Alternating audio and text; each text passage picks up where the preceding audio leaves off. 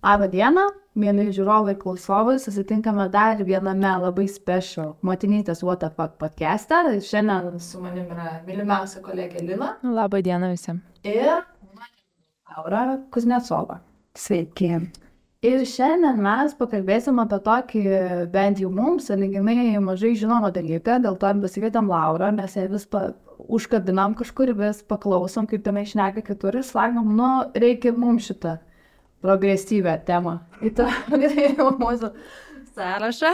Tai e, Laura, jeigu trumpai pristatant, yra kūno psichoterapijos praktikė, dirbant šioje srityje jau daugiau nei dešimtį metų. E, Kūnas, jos subtilybės ir nežemiška gale talpinanti visą tai yra absoliuti Lauros aistra. O vertybės, ryšys ir taika. Nu, Tai čia jau toks labai siekėmybė. ir tai yra gyvenimo kokybės pamatas. Taip pat Laura veda asmenės sesijas, grupinę terapiją, kuria somatinės meditacijas, organizuoja autorinės programas bei kursus moterim, kurios ieško atsakymų, kas vyksta su mūsų kūnu ir juntamais pojūčiais. Mhm. Šiek tiek pataisysiu. Dešimt metų tai kūno terapija, kūno psichoterapija keturi. Tai nenoriu užsidėti karūnos, kurios dar Mhm. neturiu. Bet ja, ja, viskas taip. Mhm. Vis tiek labai daug metų jau bendrai paėmus šitoj srity. E, labai i- daug visko žinot. Daug atradau jo. Aš pradėsiu turbūt nuo tokio bazinio klausimo, kuris iškilo ir mums su Lina, ir turbūt e, bus žiūrovam, kas nėra susidūrę. Koksgi iš esmės yra skirtumas tarp kūno terapijos ir įprastos terapijos, kuri daugam ir šiandien dar vis yra toksai e, naujiena yra, aš ne koks psichinis ligonis, kad eičiau. Bet jau prasilaužė Bet tai- truputį ledai ir bendrai paėmus mūsų bendruomenė, mamos jau. Taip, bet jau visai žmonės supranta, kad yra, poveik, ir- yra poreikių, reikia, yra ką taisyti, tai tiesiog norim sužinoti pradžiai, kuom skiriasi ši- šitos dvi kryptis, ar jos papildo viena kitą, kaip čia yra. Jo, jeigu jos papildo vieną kitą, tai būna nuostabu, nes aš, nu, turbūt ir skiriasi tuom, kad įtraukiama kūno perspektyva. Tai reiškia, kad e, mes kalbiname ne tik protą, ne tik sąmonę, kuri turi savo tiesą, bet ir kūno sąmonę, kur iškyla dalykai, nu, ne visada, o dažnai ir nesutampantis su mūsų proto tiesa, sakysim, na, imkim protas ir kūnas, tai bus paprasčiau, ar ne? Mhm. Tai kūnas gali papasakoti truputėlį daugiau ir turbūt gal tas efektyvumas toks atsiranda dėl to, kad gali patekti į būsenas, kuriuose esi užstrigęs per kūną. Mhm. Ir tos būsenos kartais būna dar visai preverbalinės, dar kūdikystė. Tai per protą ten turbūt niekaip ne, neprisikas. Ir galbūt dar vienas toksai um, svarbus, jaučiu kaip čia skambu protingai, ne, labai norėčiau būti daugiau, daugiau lengva čia. A, tai galbūt dar vienas aspektas, kas e, kuo- esminis skirtumas. Tai kad kūno terapija, kūno psichoterapija turi daugiau instrumentų, gal mano taip, iš mano pusės taip žiūrint, žinai, aš mhm. tikrai nesu įprastos psichoterapijos atstovė, tai aš negaliu labai čia kažką sakyti vienaip arba kitaip, bet tiesiog jeigu mes atrandame kažkokį dalyką ar ne, kažkokį skaudulį ir taip toliau, tai yra kaip mokomės, kaip jį talpinti, kaip išbūti tą jausmą, kaip um, ką daryti, kai, kai atsitinka panikos atakos uh, ir taip toliau. Nu, toks mhm. savireguliacinių daugiau tokių procesų. E, Tai ar galima sakyti, tarkim, jeigu žmogus patiria iš esmės psichosomatiką, tai yra diagnozuota kaip psichosomatika, tai yra įvairiausi, tarkim, iš niekur nieko atsirandančios migrenos, širdies permušimai, kažkokie uždegimai, kurių šaknis, ne, nu, vad kažkokios tokios lygos, kurių diagnostika jau sako, nu, mes nežinom, kaip čia tau atsitiko. Ar kūno psichoterapija yra ta vieta, kur tu gali galbūt atkasti Taip. priežastį? Tikrai taip, aš daugiau kitaip mhm. net nelabai įsivaizduoju, kai... jo. Ok. Aš turiu kitą klausimą iškart prie reikalo. O kaip vyksta uh, psichoterapijos sensas kūno pas jūs? Psichoterapijos sensas, nes mes ateinam atsisėdam ant sofutės, ant fotelio įprastai. Įprastoj psichoterapija. Psichoterapija įprastojo. Kaip pas tave vyksta? Atsigult, atsistoti ant galvos, reikia ten dar kažką daryti. Technikos kažkokios, sakai, daugiau technikų yra neįprastam psichologo kabinete su minkštu krieslu. A, jo, gali atsistoti tikrai ant galvos. Mes iš tikrųjų tai palaikom kūno impulsą, žinai, norim išgirsti, kur jis veda.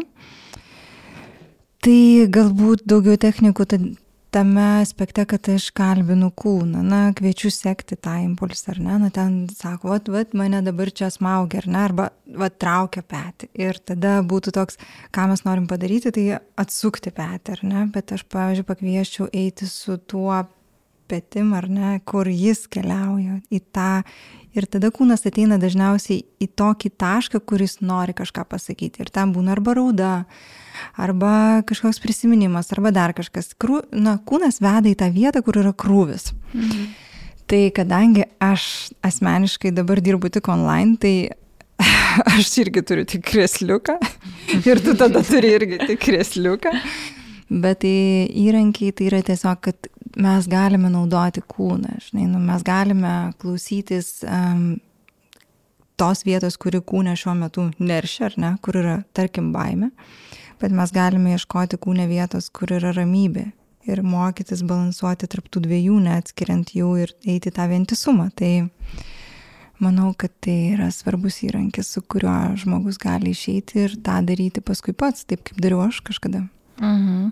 Tai pagrindė tai vyksta, nes, tarkim, aš irgi lankiau tokias terapijas, kur vykdavo vos ne meditacijos forma. Kažką kalba ir tada tu turi užfiksuoti, kurioje vietoje tu kažką jauti.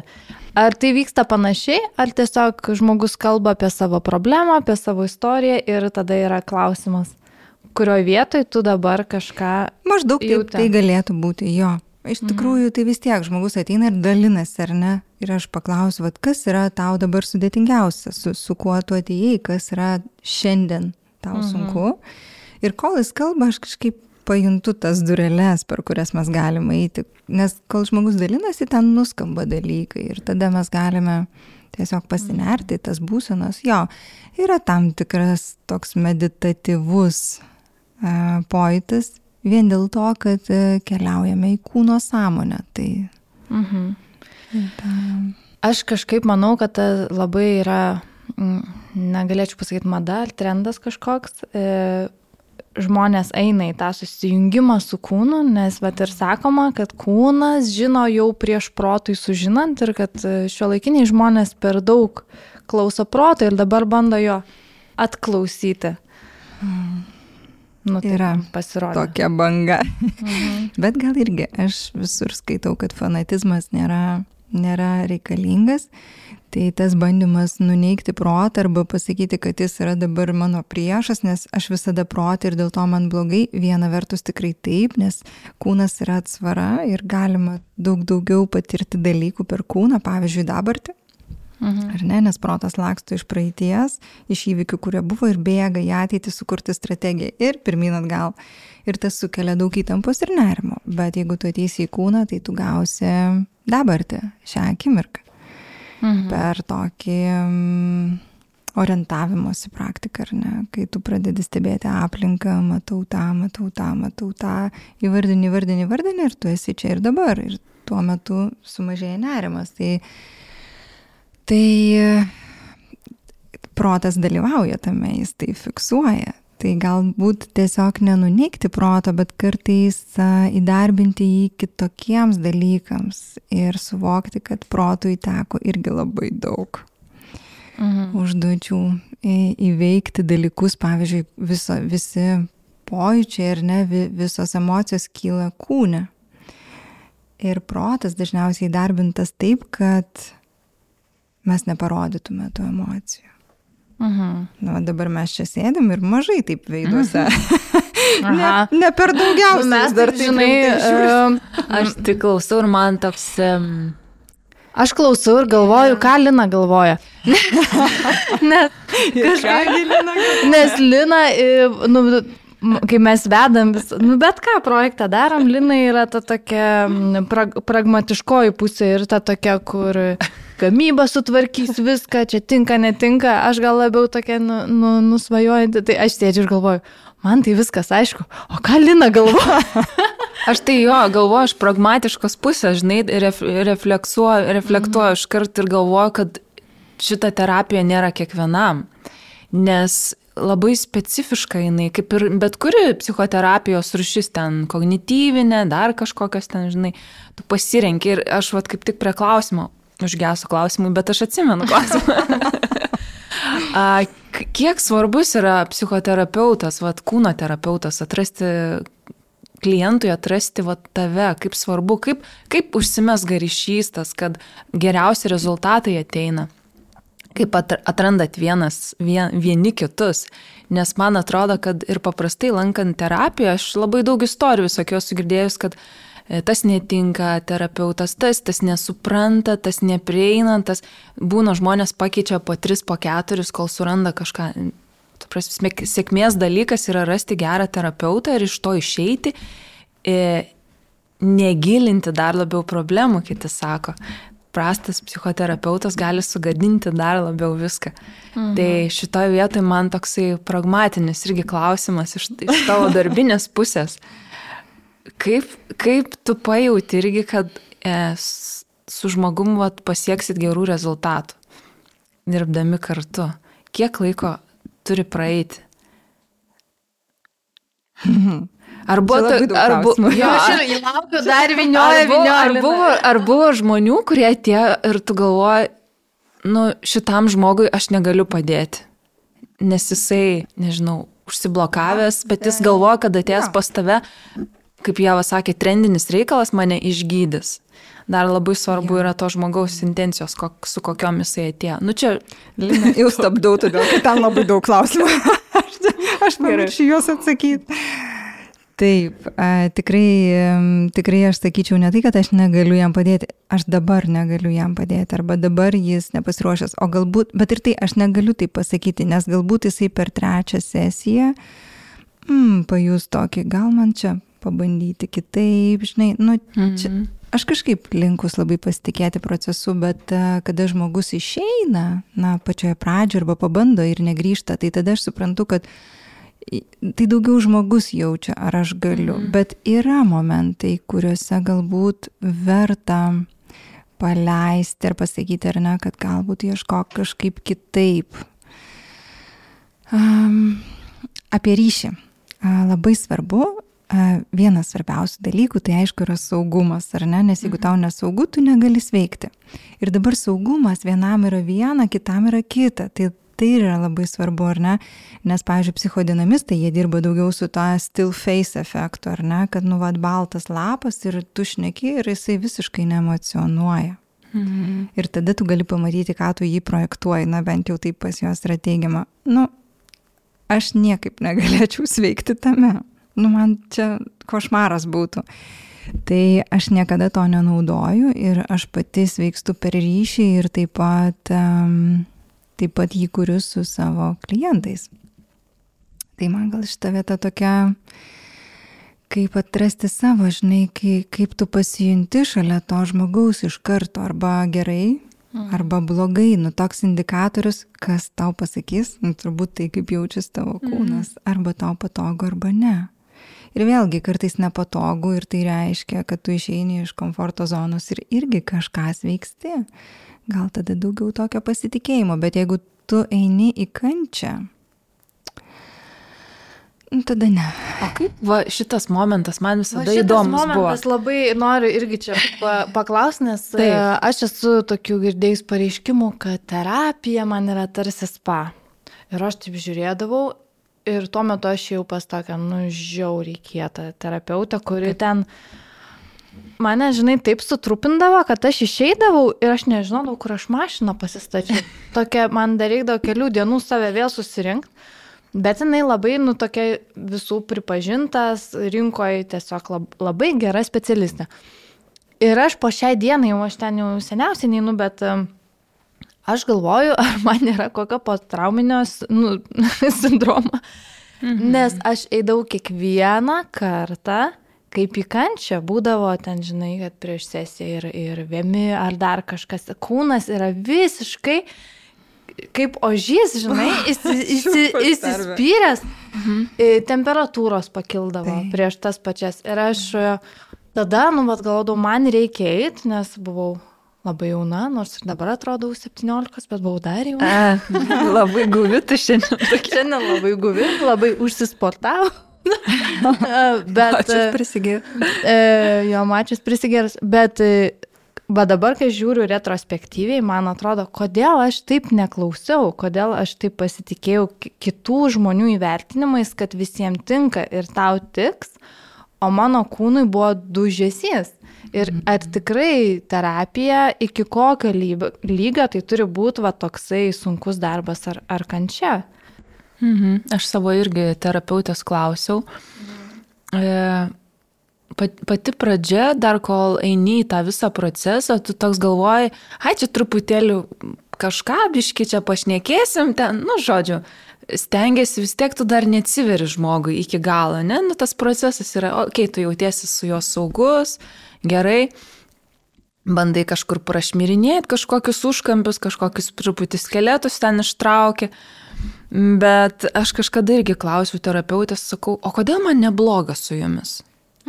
Nes aš tokių istorijų visokių, visokių girdėjau ir aš klausiau, ar aš gerai pasirinkau terapeutą, nes mane, aš nevėmiu, man nekyla temperatūra kaip į mokyklą, kai nenorėdavau eiti, iškildavo temperatūra, ne, vad kūnas sako, kad kažkas yra negerai su vaiku jau.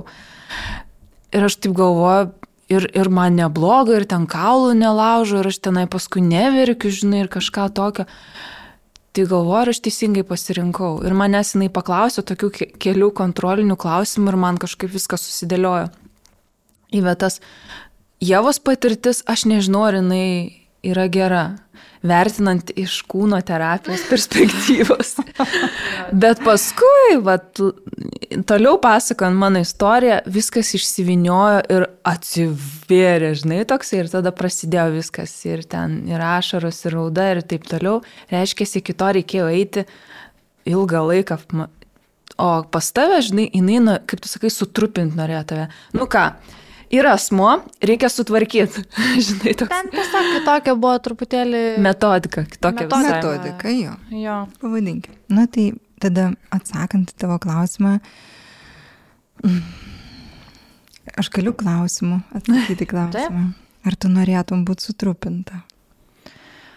Tikrai nenorėčiau, nes aš ir einu tenai, kad susirinkčiau save, susi, e, turbūt esminis tikslas yra išsikristalizuoti ir susibalansuoti. Mes tas visas šiukšlės, kurių, kurių nereikia. Mm. Nu, toksai. Galbūt jo, yra toksai įsivaizdavimas, iš tikrųjų taip ir veikia, kad mes tarsi turime susiskaidyti iš pradžių, pamatyti visas tas dalis, kad paskui susirinkti į vieną. Bet mhm. klausimas, kaip mes tai padarome. Tai va, tas pirminis, mano, žinai, ar tu norėtum būti sutrupinta. Mhm. Ir Ir tai kūnas labai aiškiai pasako, ne, ir čia ta vieta, kur mes, nu, nuneigiam, mhm. bet aš galvoju, kad e, mes ir nuneigiam dėl to, kad esam išmokę tai padaryti. Tas, kas nemokytas, tas, kas nėra trupintas vaikystėje, mhm. jis ten neliktų. Mhm.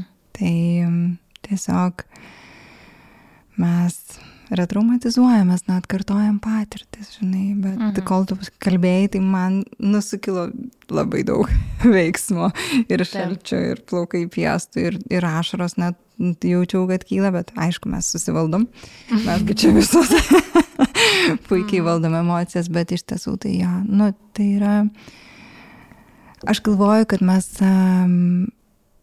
mes turim žaizdas kuriuose yra daug skausmo krūvio dėl to, kad tada nebuvo palaikymo. Ir palaikymas yra tas faktorius, kuris padeda sveikti. Mhm. Ir palaikymas yra visiškai priešingai trupinimui.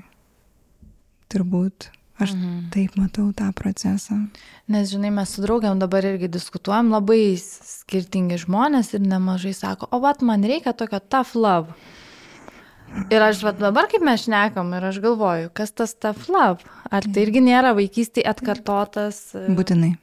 Tai yra vėlgi projekcija į terapeutą, tas Taip. santykis yra tau skauda, bet tu eini, nes tu esi pripratęs prie tokio Taip. skausmo vaikystėje. Taip, nes tas skausmas dar buvo įvardinamas kaip reikalingas tavo augimui, Mhm. Kad tau pavyks tada būti. Čia Šaunia. šita, šita gerbiami žiūrovai, šita klausytojai.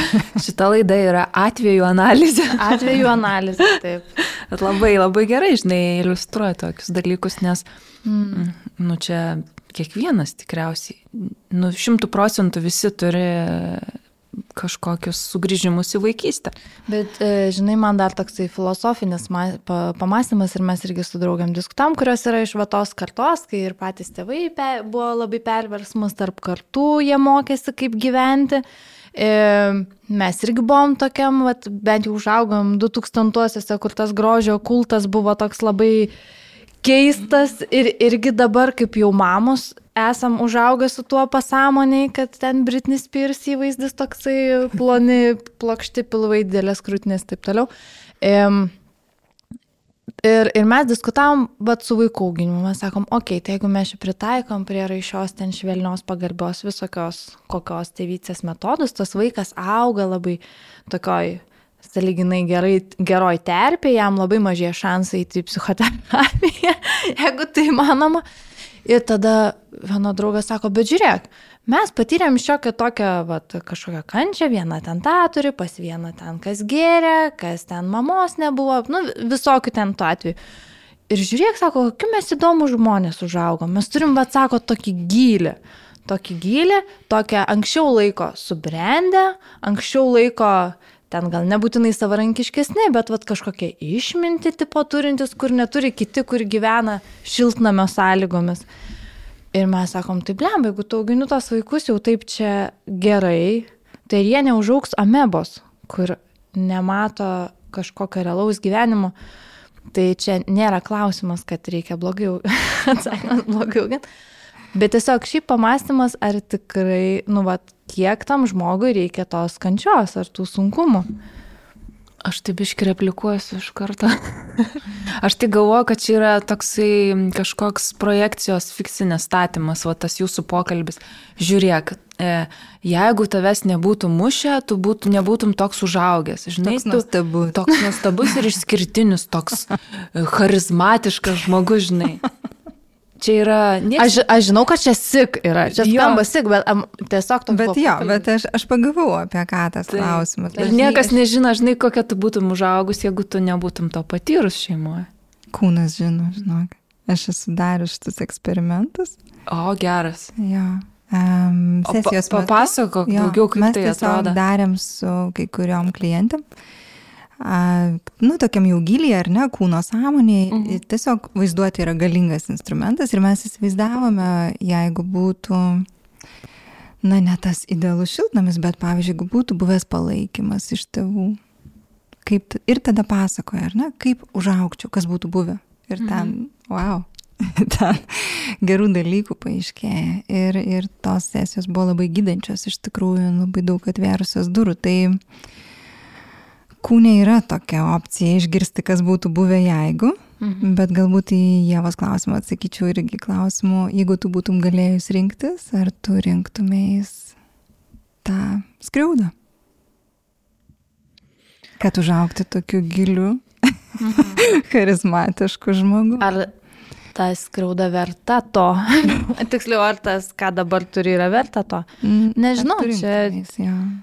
Čia reiktų dėti ant, ant e, svarstyklių turbūt, nes e, ir per terapiją mes esam diskutavę šitą, vardini savo neigiamus bruožus, norėčiau tą pakeisti, norėčiau tą pakeisti, norėčiau tą ir klausimas yra iš terapeutas. O gerai, tai ar tu norėtum gyventi be šitų visų bruožų ir kartu atim tada ir savo teigiamus bruožus, nu tu savo visą esatį tada. Mm. Nustumi ir ar tu staiga nori būti visai, visai kažko, kažkuo kitu. Ir aš sakau, ne, aš noriu būti su visu tuo, bet ką turiu, ką turiu dabar. Kažkaip. Taip. Tai aš tada atsakysiu dar klausimų į klausimą. Tai jeigu tu būtum galėjus rinktis, Mhm. ar tu būtum pasirinkusi šią skriaudą? Mhm. Ir kadangi mes kalbėjom prieš tai, visą tą ir aš išsisukinėjau ir dabar nebenoriu išsisukinėti ir galvoju, kad turbūt ne, nu tas atsakymas vis tiek yra ne. Ok, tai tiesiog tada Mhm. primeti, žinai, kaip tavo vaikas, ar jis, jeigu jis gali rinktis, Mhm. ar, ar tu gali leisti jam rinktis neskriauda, bet irgi, nu, tu negali padaryti visko gerai, tai neįmanoma. Mhm. Tai todėl gal reikėtų ramiai pasižiūrėti, kad, žinai, nu, maža to, maža ką mes žinom, kaip daryti negali, bet dar, dar yra daugybė dalykų, kurie įvyksta kūne automatiškai ir ne automatinės reakcijos. Jis yra krūvis tavo žaizdų ir tu iš jų judi. Tai manau, kad visko vis tiek nepadarysi gerai, o ten jau tada išauks ir turės savo gilį. Mhm. Tas žmogus yra baisiai sudėtingas reikalas. Toks e, ateivis transformeris Amazonė. Ir pažiūrėk, kiek metų žmonės tyrinėja ir vis tiek yra neaišku iki galo. Tu žinai, smegenis, protas, pasąmonė, sąmonė, čia yra Mm. melenkas. Um, aš kitą klausimą turėjau, um, ką dažniausiai kūnas parodo? Ką dažniausiai žmonės yra užkodavę, ko jie patys va taip atsisėdę savo ramiai, nesupranta, o jūs dirbat per sesijas ir, ir paaiškėja, kas tam kūne yra užslėpta tokio skausmingo. O, tai ten tiek visko paaiškėja. Dažniausiai. Tai yragi ten tie specialistai, feno, ten šitie, kur iš veido skaito žmogaus ten pagal visą sudėjimą, ten nosis trumpa, labai sėkmingas žmogus. e, labai, nu jo, šitas momentas labai įdomu, nes, pavyzdžiui, aš kai sėdžiu terapijoje, aš visą laiką vat, kažką darau, muistausi ten, kažkokie tikai prasideda, akis trukčioja ten, a, lieti savo veidą, ten plaukus, kai nervuojas ar dar kažkas. Jaučiu nufilmuotų mane, man kažkada sesuo yra taip darius. Aš skaičiau laikraštį, atsisėdus prie stalo laikraštį. Ir jinai mane nufilmavo, aš skaičiau apie kažkokį straipsnį apie mokslą, diskusiją. Aš pasižiūrėjau į save ir aš galvoju, aš atrodau kaip neurotikė visiškai. Aš, mano kūnas, jisai tiek reaguoja į bet ką, žinai, tamposi tiesiog. Tai vat, Jėvas tikriausiai klausimas buvo ar panašus, kai ateina naujas klientas ir prasideda tas darbas, ką tu pamatai, nu, žinai, ne tik kažkokius, nu, fizinius, ne kažkokius tam kaip žmogus ten rankas dėlioja dar kažką arba ten skausmingai. Ką kūnas tokio skausmingo parodo iškart? Ar yra žmonių, kurie sėdi va taip ramiai ir tu vis tiek galvoji, kad jis įslepia kažką ar neatsiveria. Nes tas toksai, žinai, savęs sukaustimas irgi yra parodimas kūno kaž, kažko, kad negerai yra. Mm. Čia per daug. Man, man jie du skirtingi klausimai. Aha. Bet atsakant tada į tavo Lina klausimą, tai ne, aš taip neanalizuoju. Tai žinau, kad taip tarsi reikėtų, tai būna protas įsijungia, tau reikėtų nuskaityti ten kažką, mhm. bet ne, aš, aš pati jungiuos prie kažkokio bendro lauko ir, nu, tam, aš nežinau, tai sunku paaiškinti, mhm. nu, aš tokį kaip portalą, žinai, žiūriu, um, kas, kas suskamba manyje, kas, kas yra taip prie ko, nes aš žinau, kad tai, ką rodo nuo pat pradžių, tai, nu, vis tiek, tai mes nesu tuo eisim. Kad, mhm. nu, kai mes eisim gilin, ten ir paaiškės, ten mhm. daug neprislėpsi šiaip. Tai taip nesigaus, kad tu e, nukeliavus į gilį kūno pojūčių, kažkaip suvaldysi situaciją. Mm, tai nepavyks. Todėl aš kažkaip ne, ne, neskaitau tos pradžios Aš tiesiog žiūriu ir klausau ir ieškau tos vietos, per kurią mes eisim. Mm. Kas, kur yra tas krūvis, į kur, kur kviečiasi.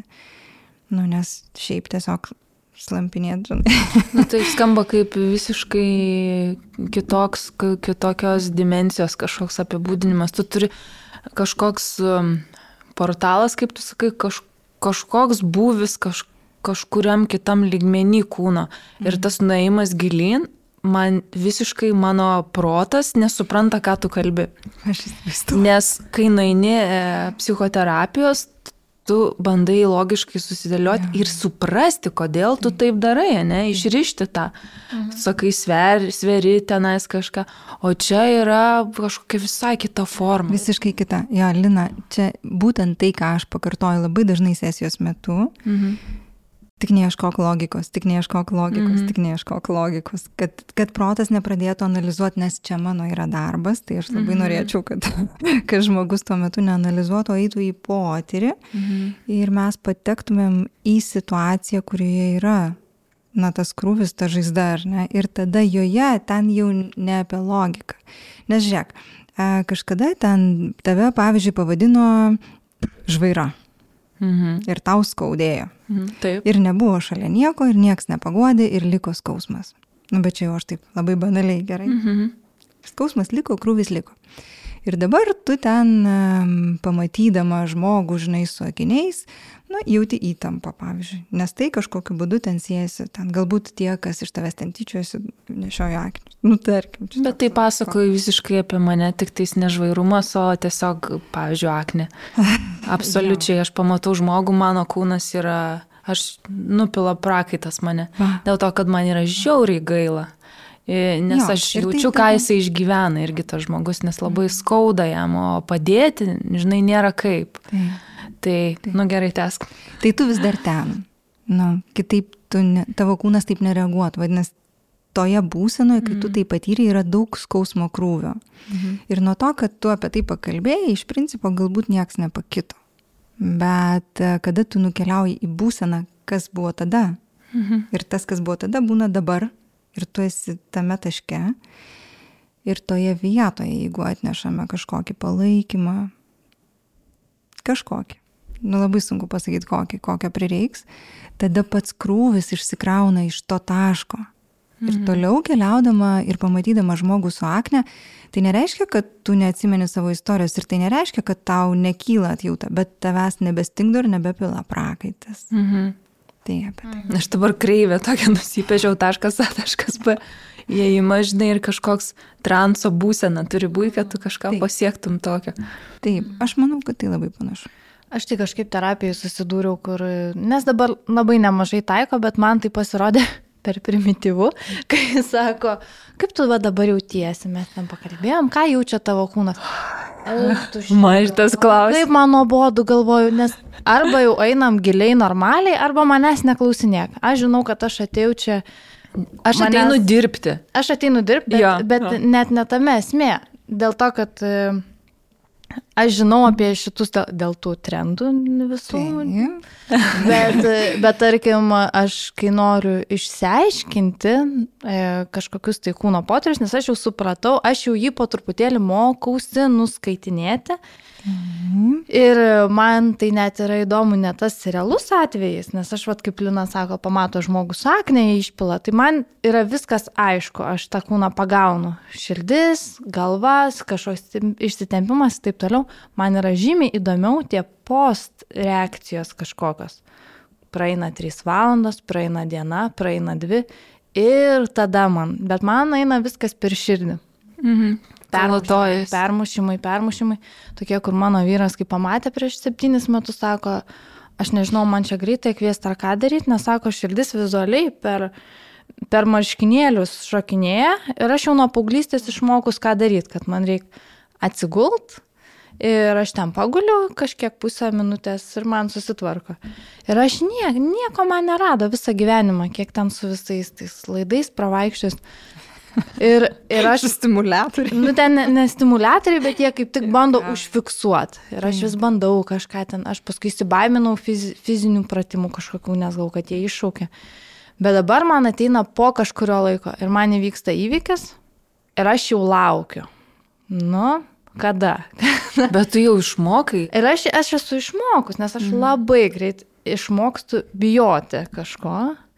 Tai, tai vat, man jau tos momentinės reakcijos realių laikų, man jos nebėra įdomios, man yra žymiai įdomios. Jos per silpnos ta. Jos man yra tokios, nu, tipo.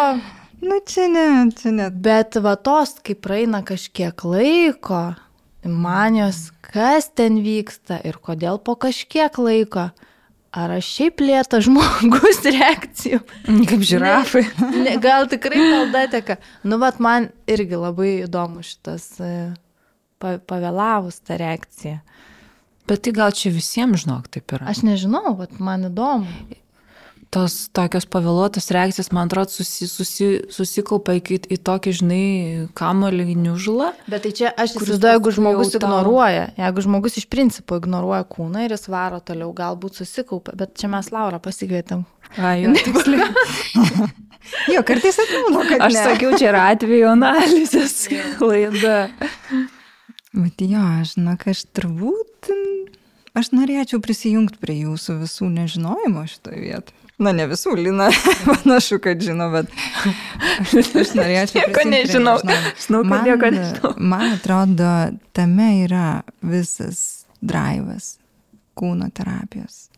Todėl, kad ne, jeigu žinočiau, tai čia būtų neįdomu ir man tada, kaip tau tą pradinę, ai, išeinu tada. Bet kiekviena sesija tai yra visiškas tyrinėjimas ir kalbinimas to, kas nekalba šiaip. Bet po galais. Tai kiek tu čia gali kankinti žmogau, kada ateis tas va e, komfortas ir balansas. Kažkoks tai va, kada jėvai nebemuš širdies po dviejų dienų ten, ar po savaitės ten kažkokių įvykių. Ar tenais, nu kiek reikia va tame dirbti.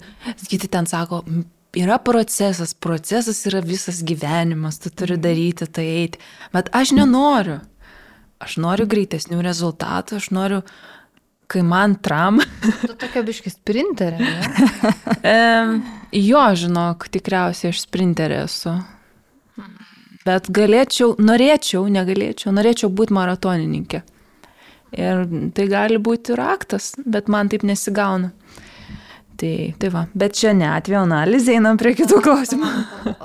Laura, jau mes, mes čia daugiau žinok, šnekam negu Laura. Čia Bet Laura analizuoja mus ir tai pasakys Na, išvadas. tai, mergos pas mane jum po dešimt terapijų reikia. Jūs šaunuolės galite praktikuoti. Ne, iš tikrųjų, tai jūsų labai dvi skirtingos pozicijos. Kaip, iš tikrųjų, jūs labai skirtingos. Tai, tai, tai iš tikrųjų, jeigu kalbant Linos e, pasidalinimu, tai taip, tai yra procesas. Taip, tai yra viso gyvenimo. Bet jeigu tu ateitum pas mane ir sakytum, aš noriu greitų rezultatų, aš paklausčiau, kokių tu nori rezultatų. Nu, vad gyventi komfortiškai, žinai, gerai. Ir čia turbūt būtų ta vieta, kur aš sakyčiau, neik į terapiją. Aš Nereikia tau noriu terapijos. rezultato A tokio, rezultato T tokio. Ar įmanoma pasiekti to per metus? Tu Įmanoma. rimtai taip klausia? Taip, panašiai. Wow. Ir va, matai, iš karto. Bet aš, aš, aš, te, bet aš terapiją lankau jau, nu, kiek čia tų metų, žinai, procese vis dar. Ir, ne, nu, žinai, suvoki biški kitaip paskui dalykus, Jo. tikrai jie nė, nėra tokie greiti, nes man atrodo, terapeutas labai viduje juokės, kai ateina žmogus ir sako, aš turiu laiko ten iki penkių ir noriu, kad va, šita lygtis būtų įspręsta. ir jam juokingai atrodo. Paskui tu pats suvoki, aš pati paskui suvokiau, kad tai yra labai juokinga. Žinai, mes šnekėjome su viena kliente, kuri dešimt metų buvo psichoterapija, dabar jinai yra pas mane. Ir sako, aš sakau, vat, kad jeigu tu nori save pakeisti, tai terapija nėra tas kelias. Tikrai, tau tiesiog reikia gimti iš naujo, kitoje šeimoje ir viskas bus kitaip. Ir tiek. O terapija yra kelias, jeigu tau reikia savo padėti gyventi taip, e, kaip tu jau gyveni. Tau reikia savo padėti, mylėti save tokią, kokia esi, sužaisti. Susitaikyti su to. Čia kaip, spręsti kai kaip mokėti save palaikyti tame, gerai būti savo pusėje, na, turėti tą palaikymą vidinį. Tai čia yra terapija. Ir jinai sako, žinai, jeigu nuo pat pradžių aš nenorėčiau, va taip ambicingai pasiekti rezultatų, tai gal aš ir neįčiau iš vis tada į tą terapiją. Bet dabar po dešimt metų terapijos aš suprantu, kad ne, tai ne apie tai, kad kažkaip save pakeisti. Nu tai gal ir fainai, kai pradedi taip ir kaip tu ir sakai, paskui eigoje pasikeičia suvokimas ir tu pradedi po truputėlį priimti, kad esu tokia ir tada bus, kaip Jėva sakė, aš nenorėčiau savęs pakeisti. Atsimeni, kai kalbėjom apie tuos pliusus ir minusus, ar ne? Tai ne, tai aš nemanau, kad iš viso žmogaus giluminis tikslas yra save kažkaip pakeisti. Jeigu taip į gilį pažiūrėjus, niekas nenorėtų, turbūt mes norim išlikti vientisi, bet tai, ko mes ieškom, yra palaikymas. Ir tai, ką padaro Jėva, kai atsigula ant grindų. Ar, ar kažkur, kur tu atsigulė ant grindų, nes? Nu, man svarbu, kad būtų jo, kad horizontalus mm. paviršius. Jo, tai yra tas mm. momentas, ką tu padarai, tu suteiki palaikymą. Mm. Suteiki palaikymą visam stuburui, nu tai simpatiniai nervų sistemai, kuri šiaip atsako už bėg arba kovok, ar ne, tu duodi palaikymą ir tada viskas stabilizuojasi. Nu tai sveikinu puikus instrumentas. Nu, čia turbūt e, paskui intuityviai atrandi atradau bent jau aš kažkokių tai įrankių, bet e, aš taip norėčiau apie tą palaikymą peršokti į motinystę, nes mūsų vis dėlto auditorija mamos. Jo, gal pakalbėkime apie tai. E, Laura irgi beje yra Mama, ar ne? Kiek aš žinau, tik nežinau, dukra, man atrodo, tavo, ar ne? Taip, aš turiu dukrą, jai 15 metų. O oh my god. tai man jau, žinai. Lapa. ne, tikrai ne. tikrai ne. Bet, bet ji labai daug ko išmoko apie kūną. Ir kadangi aš taip įsivaizduoju, kad mes vis tiek čia daug apie kūną, ar ne, tai mhm. ji gali atnešti tos tos laisvės, kurios, kaip tu sakai, vat, buvo 2000-ieji, Britney Spears, žinai, plokšti pilvukai -hmm. ir dideli papukai, tai, tai dabar, nu, dabar viskas yra kitaip ir man labai pasisekė, kai aš galiu išgirsti iš jos, čia tavo kūnas, kaip nori, tai būni. Ir aš galvoju, dieve, jinai teisi.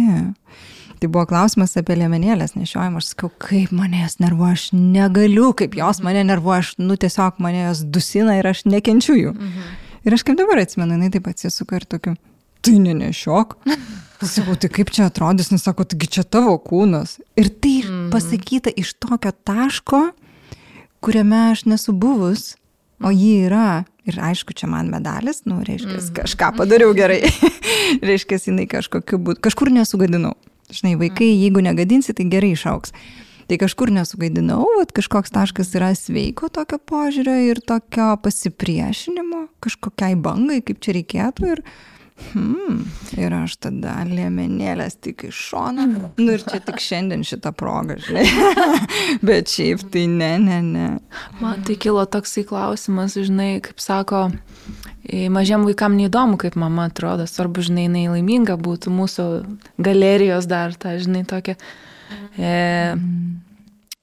požiūris ir ten visas tas vaizdas, bet aš dabar galvoju, e, nusikeliant nuo vaikų į, į mūsų amžių, į mūsų kartą. Mm, ir mes šiaip daug labai irgi apie kūną kalbam ir sakom, eik tu viskas čia normaliai, taigi tu gerai atrodai. Kiek melo yra tame? Aš visą laiką save, žinai, klausiu ir klausiu kitų moterų, tarkime, su Jėva šnekam, žinai, Aš visada Jėvai sakau, tu tikrai gerai atrodai, nes aš nuoširdžiai sakau. Bet kiek yra žmonių, kitų mamų, kurios meluoja, kad, tarkim, tu, tu tikrai netrodai gerai. Jis tą žino, bet jinai tau sako taip. Ir čia yra... Tu jau dabar sustok. Gerai. Nes mes neduodam Laurai atsakyti ir tada tu paklausi penkių klausimų ir aš paskui juos atsakai. jo. A, aš apie melą. Kodėl mes meluojam vieni kitiem apie savo kūnus? Apie savo ar apie kitų? Apie, tikriausiai ir apie savo pirmiausia, ir apie kitų, nes tai nu toks veidrodinis efektas kažkoks. Taip, dėl to ir meluojam, žinai, gal nenori pripažinti savo. Aš nežinau, aš iš vis nemanau, kad um, komplimentai ar bet koks toks sakymas yra sveika. Aš manau, kad uh, vertinimas yra iš savęs blogai visiškai nesvarbu, ar aš tau pasakysiu, kad tu labai gražiai šiandien atrodai, mm. nes tai verčia tave įsitempti, nes tai reiškia, kad aš žiūriu, kaip tu atrodai ir vertinu. Mm -hmm. Ir tai reiškia, kad rytoj galbūt aš pamatysiu, kad tu nelabai gerai atrodai. ir toks, o tai kas yra komplimentai? Kaip mes juos turim priimti, nieko nesakyti? Mes nieko neturim, žinai, nu, nėra tokio, kaip mes turim. Aš nesakau, aš neskaitau, kad tai yra reikalinga nu, informacija tam žmogui. Bet jeigu jis ateina pas mane ir sako, ar ne, nu, vat, su draugės sutink ir jis sako, blemba, kaip aš čia šiandien blogai atrodau, aš pasižiūrėčiau ir turbūt pagalvočiau, ar tikrai, ir jeigu man pasirodytų, kad ne, aš, aš gal pasmalsaučiau, o, o kas tau atrodo, kad negerai. Na, ta mhm. prasme, aš noriu būti ryšyje, tame palaikančioj, bet ne, nenuneigiančio jos tiesos, nes galbūt jinai tikrai taip mato ir tai, kad tu pasakai, ne, taip nėra, durna, tu pažiūrėk, kaip tu gražiai. Mhm. Tai yra, nu, tiesiog nuneigimas to, ką jinai jaučia. Dabar klausimas, ko jinai nori, ar jinai nori, kad tu nuneigtum ar ne. Tai aš, nu, žaidimai mm. iš vis. Jo, čia šiaip žaidimai, nes būna žmonės iš tikrųjų nori, yra kažkoks tai kompleksas, ja. kurie nori, kad jį pamaitintų dar. E, o kiti, pavyzdžiui, visiškai nenori, kad, kad tu jį girtum, nei tu kažką sakytum, koks tavo reikalas. Jo, jo. Ir, ir, pavyzdžiui, aš esu girdėjus ne vieną atvejį, kur žmonės pagiria, o, nu kaip tu sukūdai, o tas žmogus turi, tarkim, valgymo sutrikimo ir jo sutrikimą dar pamaitinais, gal, o, čia pasai. Bet čia gal, bet čia gal tiesiog nemandagu tiesiog. Bet čia, žinai, dabar um, daug dalykų tampa nemandagu, mes irgi tuo diskutuojam, ypač kai yeah. dirbam turinio srity. Iki kur mandagu, iki kur ne. Iki kur man, man yra labai sunkus už tų klausimų, nes aš esu užaugus Kauno panetkėse, kur viskas buvo tiesiai, ką. Viskas tu... gerai. Nu, jo, viskas gerai, nu toksai. Man yra sunku, bet iš žmogiškosios pusės aš, man tampa nebesvarbu irgi komentuoti nu, man yra antiek nesvarbu, kaip kitas žmogus atrodo. Ne tik, kad nesvarbu, bet mano pozicija visiškai neutrali. Lygiai taip pat, kaip man nereikia, kad e, mane pagirtų, bet aš pastebėjau, su Lina mes kaip turime ar ten e, fotografuotis ar kažką. Pažiūrėk, aš čia, kaip aš čia storina čia mane. Ir aš po kelinto karto aš save pagavau, galvo, kas man negerai.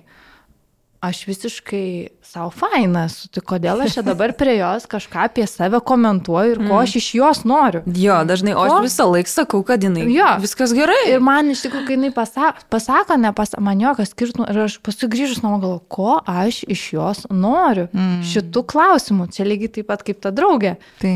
Plemo čia atveju analizės, ne? Tu, tu tiesiog, Jeva tiesiog kabinėjasi prie savo kūno, jinai mm. ir tu kabinėjasi ir... Tik tai tavo akivaizdžiai. Pavyzdžiui, šiandien bendram čia ir irgi tavo nuotrauka atsiusta, jinai jo. kažką reiškia irgi tau. Jo, norėjai šiandien, kažką išgirsti. Šiandien mergom sakau, pažiūrėkit, aš čia dabar sportuoju, bet aš iš tikrųjų aš labai didžiuojuosi, kad aš va tik šiais e, metais atradau tokį dalyką, kad aš turiu stiprią valią, nes aš niekad jos nevertindavau. Kaip tik aš esu maratonininkė, jeigu Lina ir printerė, jeigu reikia šiandien, aš esu labai maratonininkė tokia. Ir aš taip džiaugiuosi ir va šiandien pirmą kartą galvoju, Man jau nebereiktų šiandien klausti, ar čia mano tim pastorina mane ar ne. nu, vat kažkas e, keičiasi ir aš šiaip norėjau pakreipti tą temą į motinystę. Kiek daug pas moterį keičiasi ir per kiek laiko. Ir, nes tos transformacijos jos vyksta, tiesiog gal žmonės vieni tuos sunkius laikotarpius priima kaip sunku ir juos nu, nugramsdina, o kiti priima kaip kažkokį tarpinį periodą ir iš jo išauga naujas žmogus. Ir vat motinystė galbūt tas labiausiai nežinomybė, kokia aš esu dabar, yra tokia trikdanti. Čia vėlgi suvėliau kokius penkis klausimus į vieną. Gali Laura pasirinkti. Ne, neklaus, bet aš klausiu. Ieškojau iš tikrųjų portalo, žinai. Jo, apie jo. ką mes čia iš tikrųjų esam. Aš tai galvoju, kad mes vis dar apie tą patį vertinimą, ar ne? Mhm. Nes, nu, kodėl jis turėtų būti. Aš kažkaip tikiu, kad sekanti karta šito nebeturės. Žiūrėdama į savo dukrą, aš manau, kad jie nebeturės šitos nesąmonės. Nes kažkaip tas kūnas a, pririšamas prie kažkokių keistų dalykų. Ten grožio, kur labai abstraktu. Mhm. Nu, nes neaišku, kas kam gražu. Nu, standartas, žinai, yra gražus standartas. Kas madinga šiuo metu? Nu, toks, iš, nu, man kažkas tai nelabai suprantama. Jis pririšamas prie grožio, paskui seksualizuojamas, objektizuojamas ir visa tai dar vertinama. Hmm, kas parduoda geriausiai? Va, prie kur mes prie. Kur, štaigi kur. Na tai va. Va tai yra atsakymas, ar ne? Mm. Nes iš tikrųjų tai um, aš iš savo pusės Aš sakyčiau, kad tai turi būti apie santykių su savimi, e, bet ne su kūnu. Ne. Na, su kūnu, bet ne per tą prizmę visiškai, su tuo, ką jis jaučia ir kaip aš tai gerbiu. Mhm. Ir jeigu aš gerbiu tai, ką jis jaučia, na pavyzdžiui, dabar norėčiau į tualetą ir leisčiau savo nueiti, sustabdyti visą šitą procesą, pasakyti, Hebra, aš labai atsiprašau, man reikia. A, tai būtų toks, nu, gan neblogas pavyzdys, kad aš gerbiu savo kūno poreikius, ar ne? Ir yra pavyzdys, kai žmonės sėdi ir ten, nu, tai dabar čia negražu nutraukti, aš čia pakentėsiu, ai čia paskui čia nepatogu sėdėti, nu tai nieko, tai čia aš čia pabūsiu. Arba toks, m, kada pasižiūri, kur moksluose kokiuose, aš jau dabar nebebūnu tokiuose, kur ten reikia sėdėti ant kėdės visą dieną, bet anksčiau atsimenu, kad būdavau ir man buvo taip keista, kaip žmonės va taip atsisėda ir išklauso va taip paskaitą. Ir Ir aš ne, negalėdavau suprasti, kaip yra, nes man kaip linai. Visokie procesai. Lino sindromas įvyko. Baigėsi, baigėsi kojom, žinai, arba galva ant stalo kažkuo, nes kūnas nėra sutvertas tokiam statiniam buvimui. Visiškai čia yra nesąmonė. Tai yra žmogus, reiškia, kažkokiu būdu atsijungia atjungia potyrius ir būna, liepia kūnui būti ir jis būna, nes tai pasakė. Tai tie oficiniai darbuotojai, aš negalėčiau į ofistą dėl to grįžti, man nesuprantama, kaip galima sėdėti nuo 9 iki 5, tik su vienu išėjimu pavalgyti Nu, Visai galima. Su dešimt parūkimų. Va, va, dešimt parūkimų gerai, tu jo. nu, va, ir randa jie išsisuka, išsisuka žinai. Ir paskui po darbo varo 9 val. 3 val. sporto klube prišutusiam vasarą sportuoja. Svarbu prišusti jo. nu, čia blogas gal pavyzdys, žinai. Tai jo, čia, tai grįžtant prie to, ar ne, tai kad e, tai yra daugiau apie pagarbą ir kuo daugiau pradedi gerbti savo vidinių procesų, bet čia procesų, žinai, va tai, ką tu pasakoji, kai man pasidarė pasidarė, sakai, nebesvarbu, ką apie mane galvoja kiti, mhm. nes aš savo faina, žinai. Tai, tai čia va, būna čia... dienom. Čia, dienom. Aš galvoju, eisi pas tave. Aš galiu tave pakaučinti tą dieną, kai gerai hormonai sukris. Tai, tai reiškia per, per mėnesį kažkur apie penkias dienas. Vidutiniškai jo. Ir tai būtų gerai išeitis, todėl kad tada vyktų, žinai, koreguliacija tu pasireguliuotum pagal ją ir patirtum šitą būseną, jinai įsirašytų į kūną ir būtų viena iš opcijų. Blemba, reikia ir stiegos. Tik babkės jau, Laurai. Jo, aš nežinau, Laura, ar tu matei, mes nesenai paskelbėm savo internetinę puslapį tokią galeriją. Darėm tokią akciją, rinko moterų nuotraukas po gimdymo. Jo. Ir, ir jų ten nemažai, ten ar, ar, ar 50 Ir gavom, nu ten šūsnį žinučių, kad kaip, kaip gražu, kaip faina, kaip čia, kaip to reikia, taip toliau. Ir mes iš tikrųjų ir darėm, pagrindę dėl to, kad to reikia, nes visas slepiasi ir tada žiūri, o kaip čia jai, kažin čia jinai geriau atrodo, aš, nu, mhm. tas vertinimas jisai ypatingai suaštrėja. Dar tik parodo kūno, net ne kūno, bet tą tokį atitrukimą nuo savęs matyti, jeigu tau ja. taip yra svarbu. Mm. E, ir vad ką mes šiandien šnekam ir Linos klausimas, ar iš tikrųjų tu nuoširdžiai sakai tą komplimentą, man labai įdomu, kiek iš tikrųjų moterų pasijutė geriau arba blogiau, pamatė tai ir ar tą tarpą tarp save, savo suvokimo ir kūno sumažino ar padidino. Nes jeigu tau tas kūnas toks vis, kad tu vertini kaip atskirą suknelę, va čia šiandien kiek jisai sveria, kiek čia tų raumenų, o jeigu tu esi vienas, tai tau matyt nėra taip svarbu tas kūnas. Nu... Jo, yra, yra tame tiesos ir tokios dvigubos. Viena vertus, kai tu mhm. esi vienas, gal tau iš tikrųjų nelabai ten svarbu, o kai mhm. išeini, esi pripratęs, kad būsi vertinamas. Kita vertus, tai yra pakankamai gydanti patirtis, tokia priklausimo, žinai, kada tu pamatai, kad daug kam yra taip ir mm. tai yra atjautos savo mechanizmo dalis. Tai priklausimo e, tokio bendražmogiškumo jausmo. Tai vienas iš faktorių, e, kas padeda pasižiūrėti į save su atjauta mhm. o ne su vertinimu, arba kažkaip atskirti save nuo kitų ir galvoti, kad tik man vienam taip yra. Mhm. Tai tada pamačius, kad wow, yra daugybė žmonių, kurie taip pat yra, tada, nu, mes tikrai visi esam šitą patyrę, nebūtinai per kūno kažkokį mm, požiūrį ar ne, bet šiaip tu išgirsti ir tam, ir tam, tai buvo, o, tai mūsų daug, žinai, o, jėga tada kažkaip truputėlį ta įtampa atslūksta ir aš manau, kad tai vėl apie tą patį palaikymą, nes tu supranti, kad e, tu priklausai ir em, gali būti priimtas ir sumažėja atstumimo baime, kuri yra bazėje viso šito mhm. vertinimo, pardavimų bandymo savęs šeipinti ir taip toliau Mhm. pačiame glūdumoje, ne, nes tai, ko mes bijome, kad mus atstums Mhm. ir mes žūsime, tai yra mirties baime. Ok. Aš tai sėdžiu ir galvoju, už kiek metų, po kiek metų, aš jokingai pasakiau, po kiek metų e, visuomenė taps va, tokia sveikesnė kažkiek tai vertinant kūnus apskritai, kaip visą žmogų, o ne eina e, jo pasiekimai, arba eina jis koks geras darbuotojas, arba ten mama ir eina koks, pažiūrėk, kaip jis atrodo. Mm. Galvoju, kaip kada čia jie susijungs ir kaip mes visi pasveiksim už kiek, po kiek tai metų, kaip, kaip tikėtina, nes mes turim dirbtinį intelektą, bet mes neturim tokių bazių paprastų, apie kurias mes šiandien vašnekam. Čia toks filosofinis mano klausimas, pragmatiškas.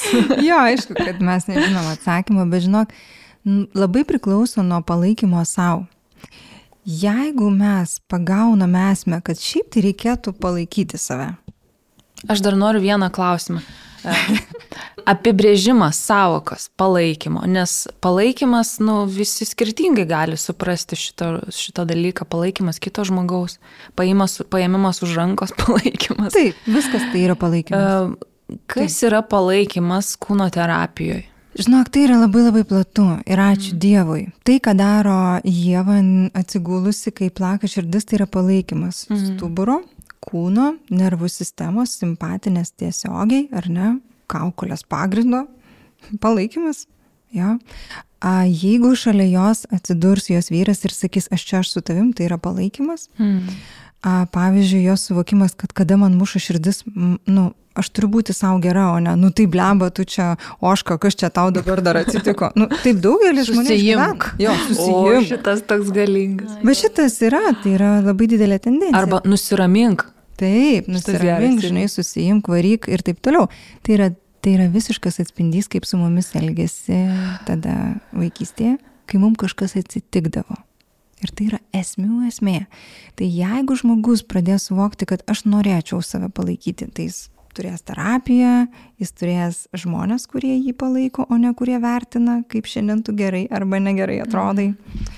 A, jisai mokysis to palaikymo per paprastus, vat, kūno terapija ar nelabai mokintų per paprastus atlošas, nes aš galiu dabar, pavyzdžiui, jaudintis labai, bet jeigu aš galėčiau nu, atsitraukti nuo mikrofono, jis nebūtų toks sunkus, aš atsitraukčiau ir Atsiprašau, be kalbėdama su jumis, aš galėčiau pajusti, pavyzdžiui, kaip palaiko mano nugarą atlošas ir mano nervų sistema jau biški kitaip reaguotų į visą šitą veiksmą čia.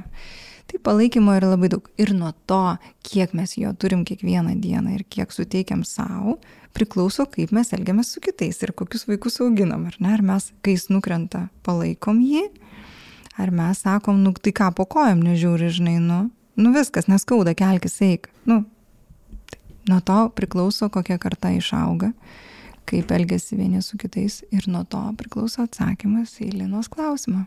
O ko aš klausiu? Tai kada pasveiks karta? Kada pasveiks kartą, jo.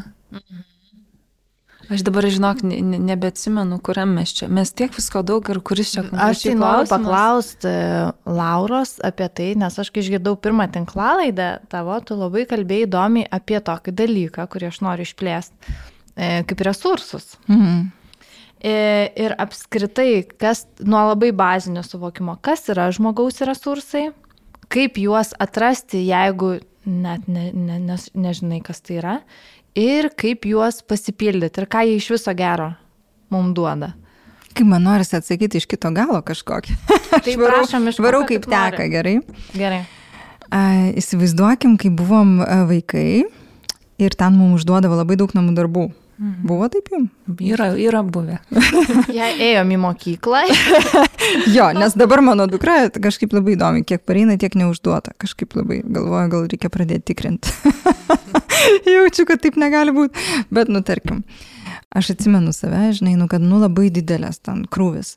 Ir tėvai, kaip jie dažniausiai, ne mano atvejais, bet dažnai taip, ar ne, tu turi, tu turi atlikti ten kažkokį dalyką ir tada galėsi ilsėtis. Ir niekada nepasakydavo, o kiek tu turi jėgų dabar šitam dalykui O, atlikti. jie, tikrai. O Jėzus čia. Čia labai e, primityvų, bet niekada niekas tokių dalykų neklausdavo.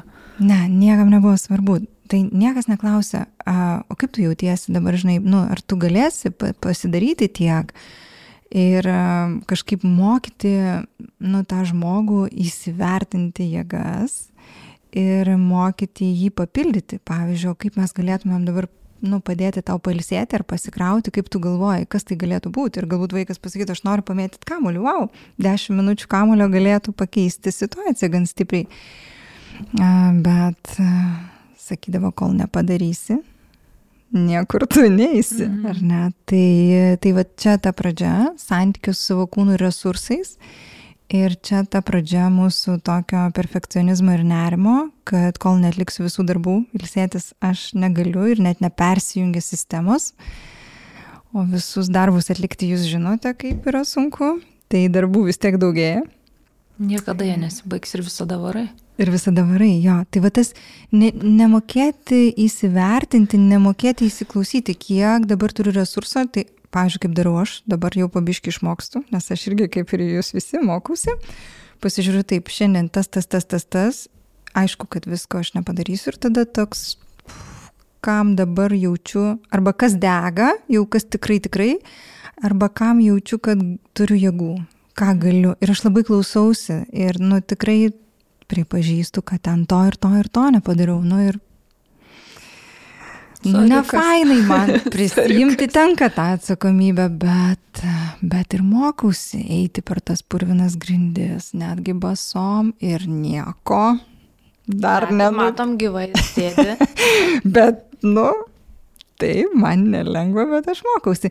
Nes tai ir būtų daug, nu, turbūt to santykio su savimi kūrimas. Tai va tas resursas tai yra labai, labai plati savoka, Mhm. bet tai yra kažkas, kas mane pakrauna ir kas kartą tai gali būti labai skirtinga.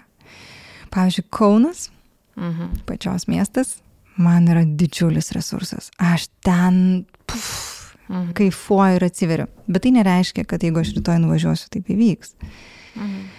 Nes kai važiavau ir pakeliui ten atsitiko, kad nuplyšo kažkokia detalė apsauginė mašinos, nu ir man teko susidurti su savo baimėm, su ten, o dieve, tiek visko, tai tas Kaunas nuliko to, paliko tokį pragaro momentą. ne? Kartėlį. Jo, ir, ir nu, vieną vakarą tai gali būti vonia, o kitą vakarą tai gali būti, žinai, pasižiūrėti į saulę, o dar kažkada tai maistas.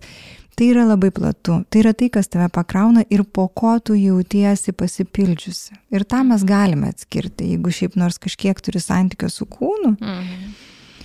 Nu, nes jeigu jauti kaip išsikrauni, tai jauti kaip ir pasikrauni. Mm, Bet čia labai sunku, žinokit. Nu, aš iš savo patirties atvejais, numeris 51. tu varai ir varai ir varai, tu kaip narkomanas būni. Aš Supranti? norėčiau papildyti, terapija išmokė mane sakyti aš. Aš varau. Aš, va, aš varau, varau, varau, ne? Ir, ir, tu nie, ir tu žmogus nežinai, kaip išeiti iš to rato. Taip. Ir kaip tu sakai, ten vieną kartą nueiti vonę, ten kitą kartą. Ta. Žinai, pirmiausia, jaučiu, kad reikėtų išmokti tiesiog sustoti. Nes e, kiti ten atradimai, kaip pasikrauti kažką, tai čia man iš vis kita dimencija atrodo. Išmokti reikia dalykų. Kaip sustoti ir kaip nebelipti ant to pat- paties, pa- paties grėblio, žinai. Nes, pa, nes pas mane tai kreisi, šit yra visiška betvarkė.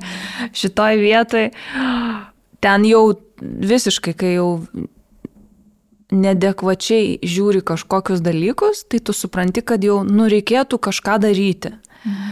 Kaip reikia išmokti save suvaldyti šitoj situacijai, kad reikia kūnui ir protui ilsėtis. Tu negali varyti taip. Aš Labai negaliu varyti taip. klausimas. Jo, labai Nes man atrodo, kad čia kas antras taip daro. Jeigu ne, Jeigu ne dažniau. Negu, kiek mes, ke, penki žmonės, keturi žmonės, trys su pusė daro. Jo, žiūrėk, čia yra labai labai geras klausimas. Ir um, įrašiau kaip tik seminarą ką tik. Duokit man metodikų. Tokia gera reklama. įrankių, kaip man sutvarkyti gyvenimą.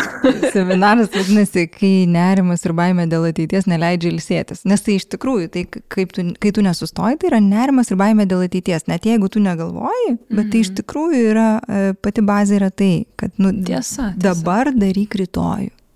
Va tuoj tu viską pasidarysi ir tada Ir, apdovanos. ir tėveliai sako, padaryk šiandien, nereiks rytoj. Va, va čia Tai šaknis. žinai, tavo, žinai. tai va, aš žinau. Tai va, Bet e, balsas internalizuotas, žinai, tai aišku, kad tu turi tevelius kartu su savim visada ir nešiojasi kartu ir tu tikrai turbūt girdėjai internalizacijos tą savoką, kad um, iš pradžių tai yra balsas iš išorės, paskui tai yra balsas iš vidaus. Mhm. Ir mes tikim, kad jis yra mūsų. Tai viskas ok, bet tas, bet tu labai teisi, nes pirmiausia, tam, kad tu galėtum eiti e, į kažką reikia sustoti.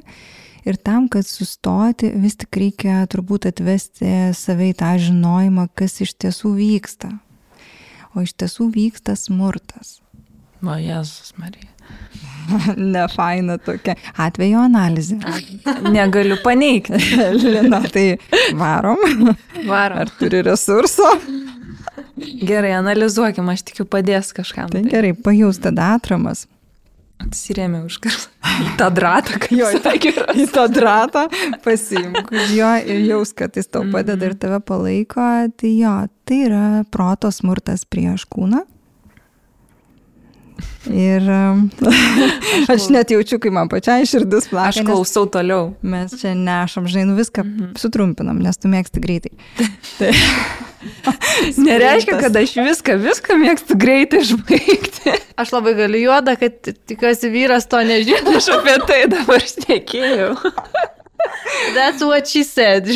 nu, va, sakėm, kad pažvengsiu. Gerai, pažvengiam, aš klausau toliau atsisėdus, kur mano popkornai.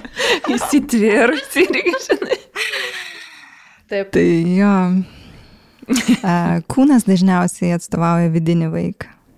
Okay. Ir taip kaip protas elgesi su kūnu, taip elgesi na, suaugęs mūsų viduje su mūsų vidiniu vaiku.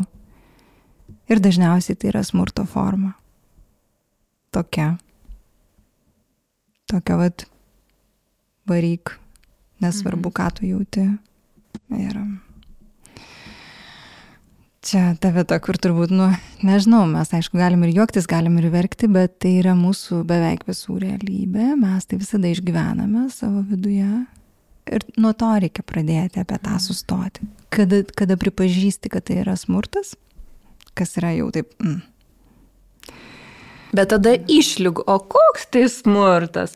Ir kiek čia galima, žinai, to, įsijungia tada tavo smegenis ir tu pradedi ieškoti kompromiso kažkokiam šiauriai kvailam reikale, kuris, nu, baisus iš esmės yra.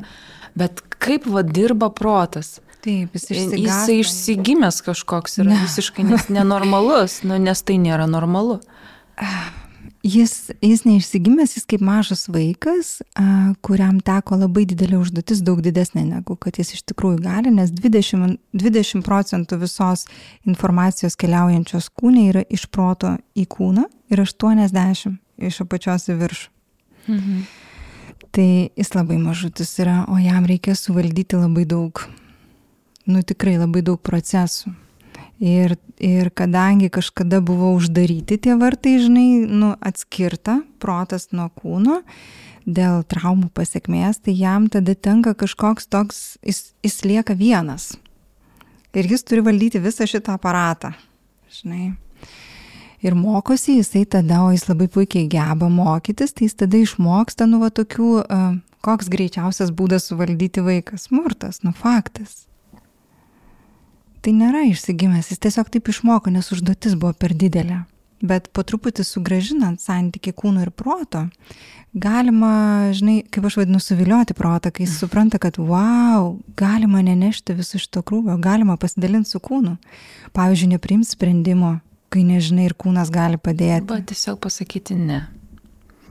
Tai Kas man veikia jau po truputį. Arba pasakyti ne. Kad galima, kad galima bendradarbiauti su kūnu ir, pavyzdžiui, atsižvelgsi į kūno pojūtį ir tada bus mažiau problemų, žinai. Nu, nereikės dylinti su pasiekmėjom. Čia tas pats pasakyti, ne. Mhm. Pradėti gerbti, bet čia apie tą pagarbą, žinai, kai mes po truputėlį pradedam juos atvesti ir labai džiaugiasi tiek kūnas, tiek protas, bet tai yra procesas. Mhm. Tas, kur tu norėtum pagreitinti. Ačiū už konsultaciją. Aš norėčiau į priešingą visai pusę nueiti. E, dabar skaitau, lab, tik pradėjau skaityti labai įdomią knygą e, ir joje sakoma, kad va šita visa madinga industrija, kuri kviečia mus nusiraminti, self-care ir self-love, tai yra jau iki pykinimo nusibodę terminai. Mhm. Ir mylėk save, rūpinkis savim, sugrįžk į save, nu tas self, self, self. Ir e, sako, kad šita visa industrija, wellness, sveikatingumo pasaulyje yra iš viso, man atrodo, 4,2 milijardo. Jis yra žiauriai, žiauriai didelė, labai sparčiai auganti, bet net trečia labiausiai. Bangos, ne?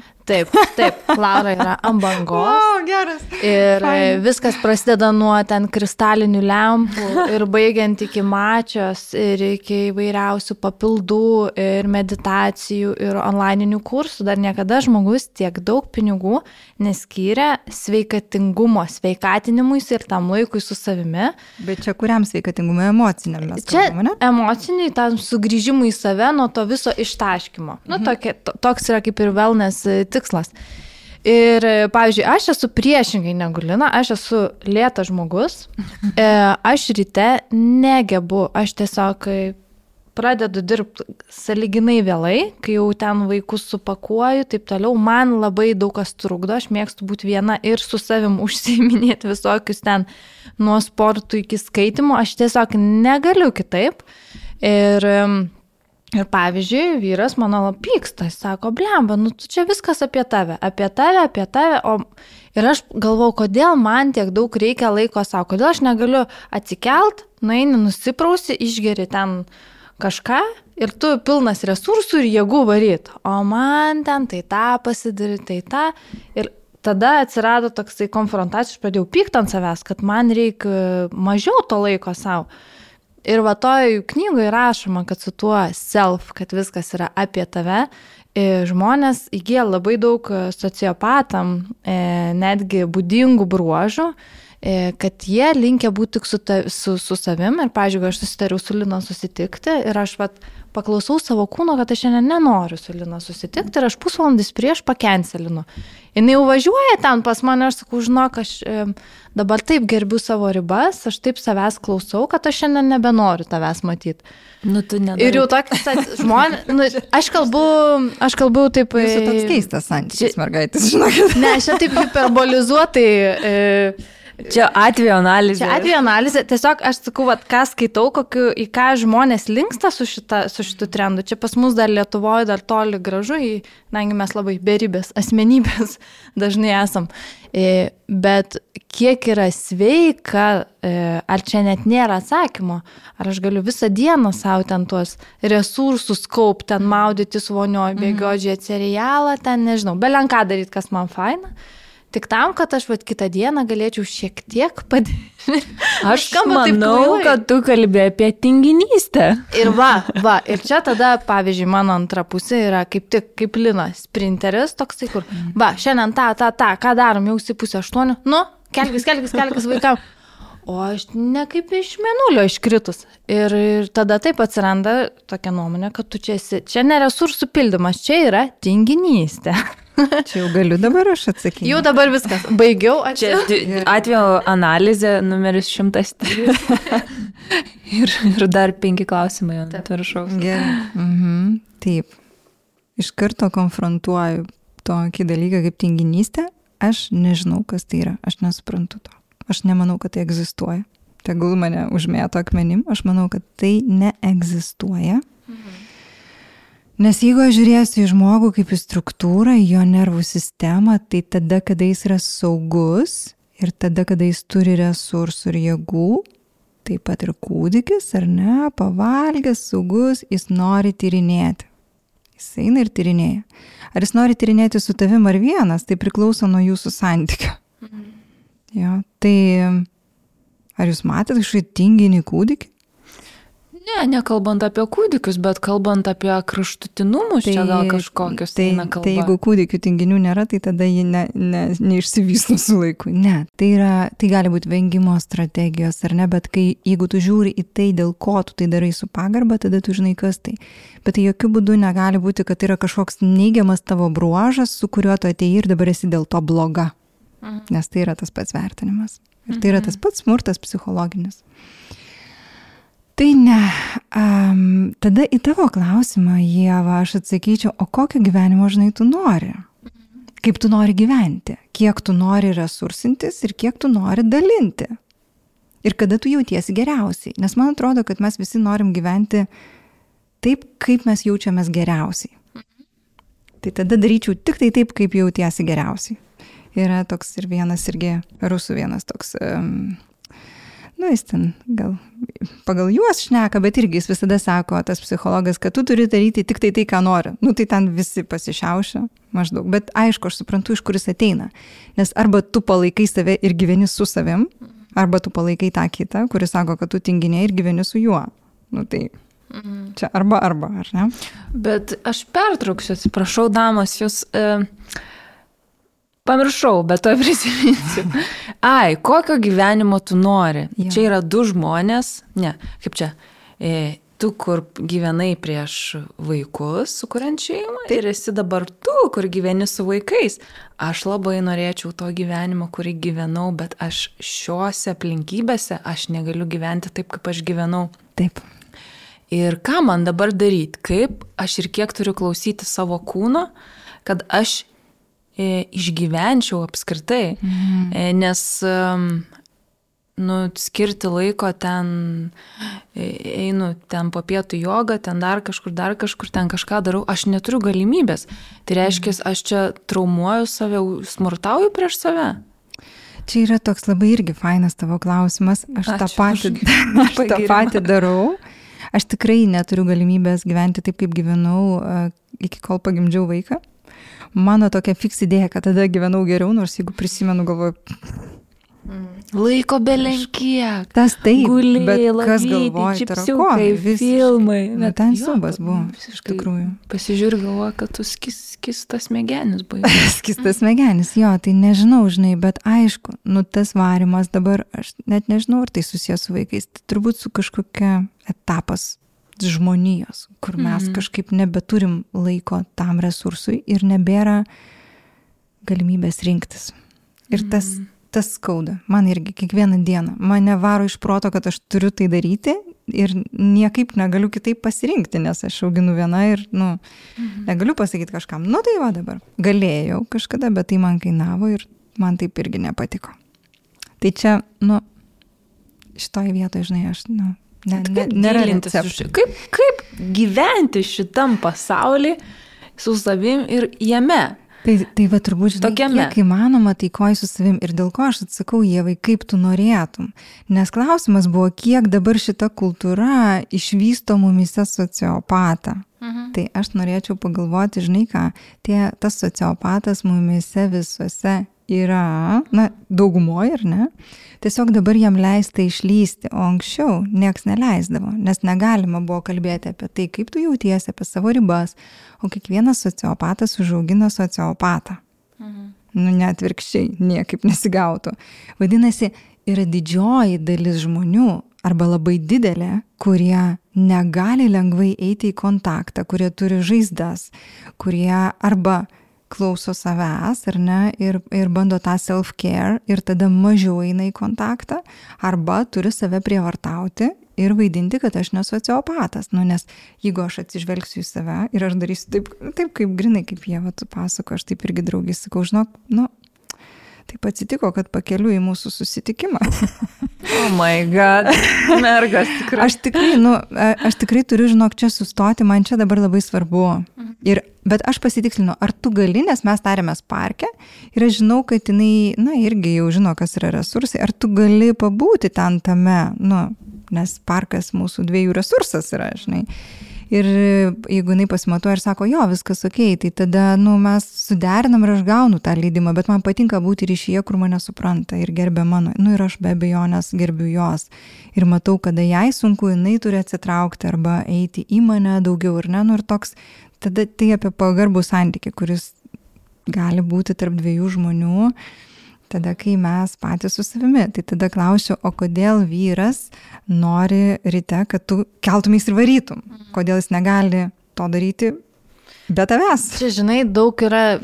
Mes jau čia diskutavom, turėjom tokią tinklalaidą irgi labai naudingą apie santykius apskritai. Uh, turbūt kai gyveni su antra pusė, tu vis tiek e, didžiausia klaida ir apskritai, net ne, ne, ne vedybiniuose santykiuose, bet e, ir gali būti draugystėje, kad tu bandai kitą žmogų padaryti e, panašų į save, nes tau taip yra patogu ir tu tai žinai, kiek maksimaliai galima. Tai e, labai fainai, jeigu bent vienas poroj samoningėja ir geba šitą atpažinti, kad dabar ant manęs yra metamas kito žmogaus e, paveikslas tai. ir ta, okei, okay, nu taip vyksta, taip vyksta, bet tu tada gebi vis tiek išlikti savo rėmose. Tai, tai čia Idealiu atveju. bet tada tu gali galbūt palaikyti save, bet ir jį sakyti, nublemba, kaip fainai, kad tu taip nori varyti, kaip aš tave palaikau, varyk, žinai, o aš kai jau pasiruošiu, tai mes ir susitiksim, tai yra aš būsiu pasipildžius ir tu pasipildęs, ar ne? Nes jeigu mes visi palaikytumėm tai, kas mumise veža tuo metu, tai aš manau, kad visiems būtų daug daugiau taikos. Mhm. O jeigu yra žmogui, žinai, baime, kad jis toks vienas, susirasti bendraminčių, žinai. Aišku, kad, nu, nėra taip vienareikšmiškai, nu, mes ieškom tų kompromisų, nu, kai gyveni mhm. kartu, kitaip nesigauna, bet, mm. bet kuo daugiau tos taikos, tuo, tuo daugiau turbūt skonio, aš taip įsivaizduoju malonumo, žinai. Nu, ar tu mhm. nori tos žmonos, kur, žinai, atsimenu, man reikėjo ten važiuoti, anksti ryte ten kažką ten, ten kažko ten malko užkiu, ten ten toks subas ir ten buvo mano draugas ir jam atrodo, kad kaip man fainai ten su juo važiuoti, aš nekenčiu jo, jo mašinos, visų objektų pakeliui, kur mes sustojam ir noriu, kad visi išnyktų, žinai, ir kad susproktų čia viskas. nu, ar ten pakaifavo jisai? Ne. Tai, bet jam atrodė, kad čia bus labai fainai. Tai paskui aš sakau, dabar aš einu mėgoti, žinai, ir krauk pats vienas tas malkas. Tai toks tada ne, tai galbūt tikrai mokytis, žinai, kiek, kiek aš nu, turiu užsipildyti, kad galėčiau eiti, nes aš kaip ir tu, Jeva, tai labai ilgai aš kol ten išsijudinu, tai mano sesijos jau taip anksčiausiai 10.30.11. Mhm. Aš jau anksčiau. Tai... Aš tai galiu pasakyti skirtumą, kai mes jau susirašom su Lina, tai, tai jau būna pusė dešimt vaikam iškepus kotletų ir sriubai išvirus. Ir aš sakau, tu kreizėsi visiškai. Bet ar jinai iš meilės savo tai padarė klausimas? Ne, galėjau pasirinkti. Jo, aš žinau, kad čia yra mano darbai, kuriuos aš turiu padaryti. Jeigu aš norėčiau daryti, kaip aš noriu daryti, tai aš nesikelčiau iš lovos ir mėgočiau iki pietų. Yeah. Bet mm. kai aš galiu, aš ieškau kompromiso pamiegoti. Taip, aš bandau ieškoti to, žinai.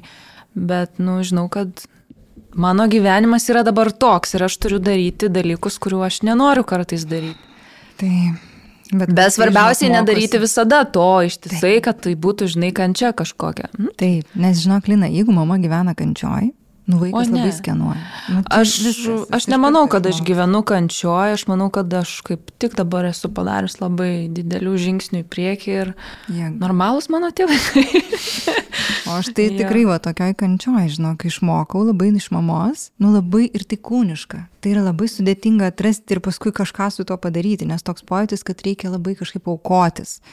Kad jeigu tu esi motina, tai turi kažką. Aš šitą tokia... pavyzdį mačiau ir aš dabar, va, pavyzdžiui, grįžusi, aš sakau, kam tu darai? O kam tau reikia to? Nes aš pati supratau ir pagavau ir iš, nu jau aš kaip saugę, saugę žmogus, kaip saugus moteris, mama, aš matau ją, kas, ma, kas ateina iš jos į mane ir atvirkščiai ir aš sakau, nedaryk. Kam tu pasirinkai, tu pati pasirinkai čia taip daryti. Jinai, ir jinai žiūri, ir jinai nesupranta, ką aš jai sakau. Bet čia yra kitas dalykas. Čia, čia kitas atvejis, čia ne ta analizė. Čia per daug analizų. Aš galvoju, kad mes užduosim gal jau prie paskutinių klausimų, nes čia visai jau išsiplėpėjom. Ar iš principo, būnant terapeutė ir jau tu kalbėjai apie savo dukrą, kaip jinai net pačiai būna žavu, kaip jinai iš kokio taško jau vertina kūną, taigi čia tavo. Ar turint visas šitas žinias yra lengviau auginti žmogų ir kokį tu sieki įdėkti vat, savo dukroje, tarkim, požiūrį į save, kaip į žmogų, kaip į individą, tame kontekste ir kūną. Siekiu įdėkti tai labiausiai, žinokit, um, tą self-care, kuris ten tą sociopatą augina. nu, taip skamba pagal tą, žinai, knygą ar ką. Iš tikrųjų, tai noriu labai įdėkti, kad uh, jinai išmoktų, kad, kad ir kas būtų, kad reikia ieškoti, kaip savo padėti. Kad tai yra, kad, kad, po, nu, kad tas raktinis nesmurtauti prieš save, o atvirkščiai ieškoti pagalbos. Ir tai bet kur, nu, ar tai erdvėje, ar tai kreiptis, ar tai su savim, ar kūne, nu, bet kur, bet ieškoti to palaikymo ir būti savo gera. Tai toks, bet tai nėra labai paprasta padaryti, nes tada aš turėčiau būti savo gera. Mhm. Nes mes galim sakyti, ką norim savo vaikams. Bet kūnas turi tokią, tokį mechanizmą, jis nuskaito intenciją. A, tu koksai sukčius. Jis tikrai sukčius. ir dėl to kartais, kai mums žmogus sako, nu tu tokia faina, nu kodėl tu save taip nuvertini, o tu vis tiek jautiesi kaip šūdas šalia jo. Tai dėl to, kad tas žmogus turi intenciją iš tikrųjų tavo sąskaitą pakilti. Nebūtinai tą sakydamas, bet tiesiog kažkur, kažkur tai praslysta. Ir jis gali sakyti vien tik gerus žodžius, bet kūnas jis nuskaito tai, kas yra nepasakyta. Ir tame yra, vat, kada tu augini vaiką, vaikas nuskaito vis tiek kūniškai, jis nuskaito intenciją, kaip tu su savim elgiesi, kaip tu, kaip tu iš tikrųjų nori, kad jis būtų. Ir tai nėra labai paprasta padaryti, bet aš labai norėčiau būtent tai. O atsakant į klausimą, ar lengva su šitom žiniom auginti kit, na, kitą žmogų, aš galvoju, žinok, sunkiau turbūt. Nes tu žinai, kaip daryti negalima. Todėl reikia labai labai labai kažkaip save laikyti ir riboti, nes išmokta yra kitaip. Mhm. Ir jeigu kūne būtų tas uh, nuskenuotas geras pavyzdys, tas kažkas, kur, kur aš būčiau išmokus iš kažkokių kitų šeimų, kaip reikia, tai būtų lengviau, bet kadangi nebuvo ir buvo tik tokie kažkokie nelabai ne sveiki atvejai, Tai kada aš suž... atėjau į kūno psichoterapiją ir sužinojau, kaip daryti nereikia, man buvo visiškai isterija gal kokį pusmetį, nes aš niekaip negalėjau suprasti, o kaip reikia, nes nėra jokio už ko užsikabinti, nes viduje tarsi nėra tokio failo. O išorėje tu gali gaudyti, skaityti knygas, bet tai veikia jų kūnas, ar ne? Ir ten vaikas kažką ten daro ir manyje įsijungia automatinės reakcijos. Ir kol aš ne, ne, ne, nepatraukiu to krūvio, kuris įsijungia kaip, kaip lemputės, tol tai vyksta automatiškai. Tai tada su šitom žiniom tu tiesiog gale dienos arba gale savaitės gali, žinai, pasakyti, va, pridariau to, pridariau to, pridariau to. Ir gal truputėlį tai ir apsunkina Bet kita vertus, aš turiu šansą didesnį kažkur nesugadinti. Ir jeigu man pavyksta, tai aš labai pasidžiaugiu. Mhm. Ok, aš tai dabar, Laura, kai šneka, aš galvoju, bet tu toks detektorius esi. Nėra, kad žmonės jau net, pavyzdžiui, draugai galvoja, nu blemba, jinai čia jau nuskaitys mane. Neapgausiu. Žinok, aš turiu labai, labai, labai mažai dabar draugų, todėl kad uh, tas sociopatas pagaliau gali bujoti. bujoti ir jam leista atsitraukti tiek, kiek jis nori ir labai pyksta. Nu, jau paskutinieji, sakyčiau, pyksta žmonės, jau mažai beliko, kas pyktų ant manęs, kad aš nesusitinku, kažkaip daugiau ar mažiau pri, priėmė, tai uh, Tai ne, nebeturiu žmonių, kurie, kurie galvotų turbūt, kad aš nuskaitysiu. Mhm. Aš net nežinau, ar iš vis kažkas taip galvoja. O kada baigėsi, o, o kada baigėsi tavo darbas ir prasideda nedarbas? Ar tu, čia labai sudėtinga, nes realiai tu, tavo gyvenimo būdas čia yra. Mm. E, kaip su, va, sustoti ir pasikrauti, nes negali visą laiką analizę 301 numeris. Jo. Ir čia man padeda tas fokusas į resursą kad aš jį turiu ir mhm. užsi, kažkaip užsivedus tokį.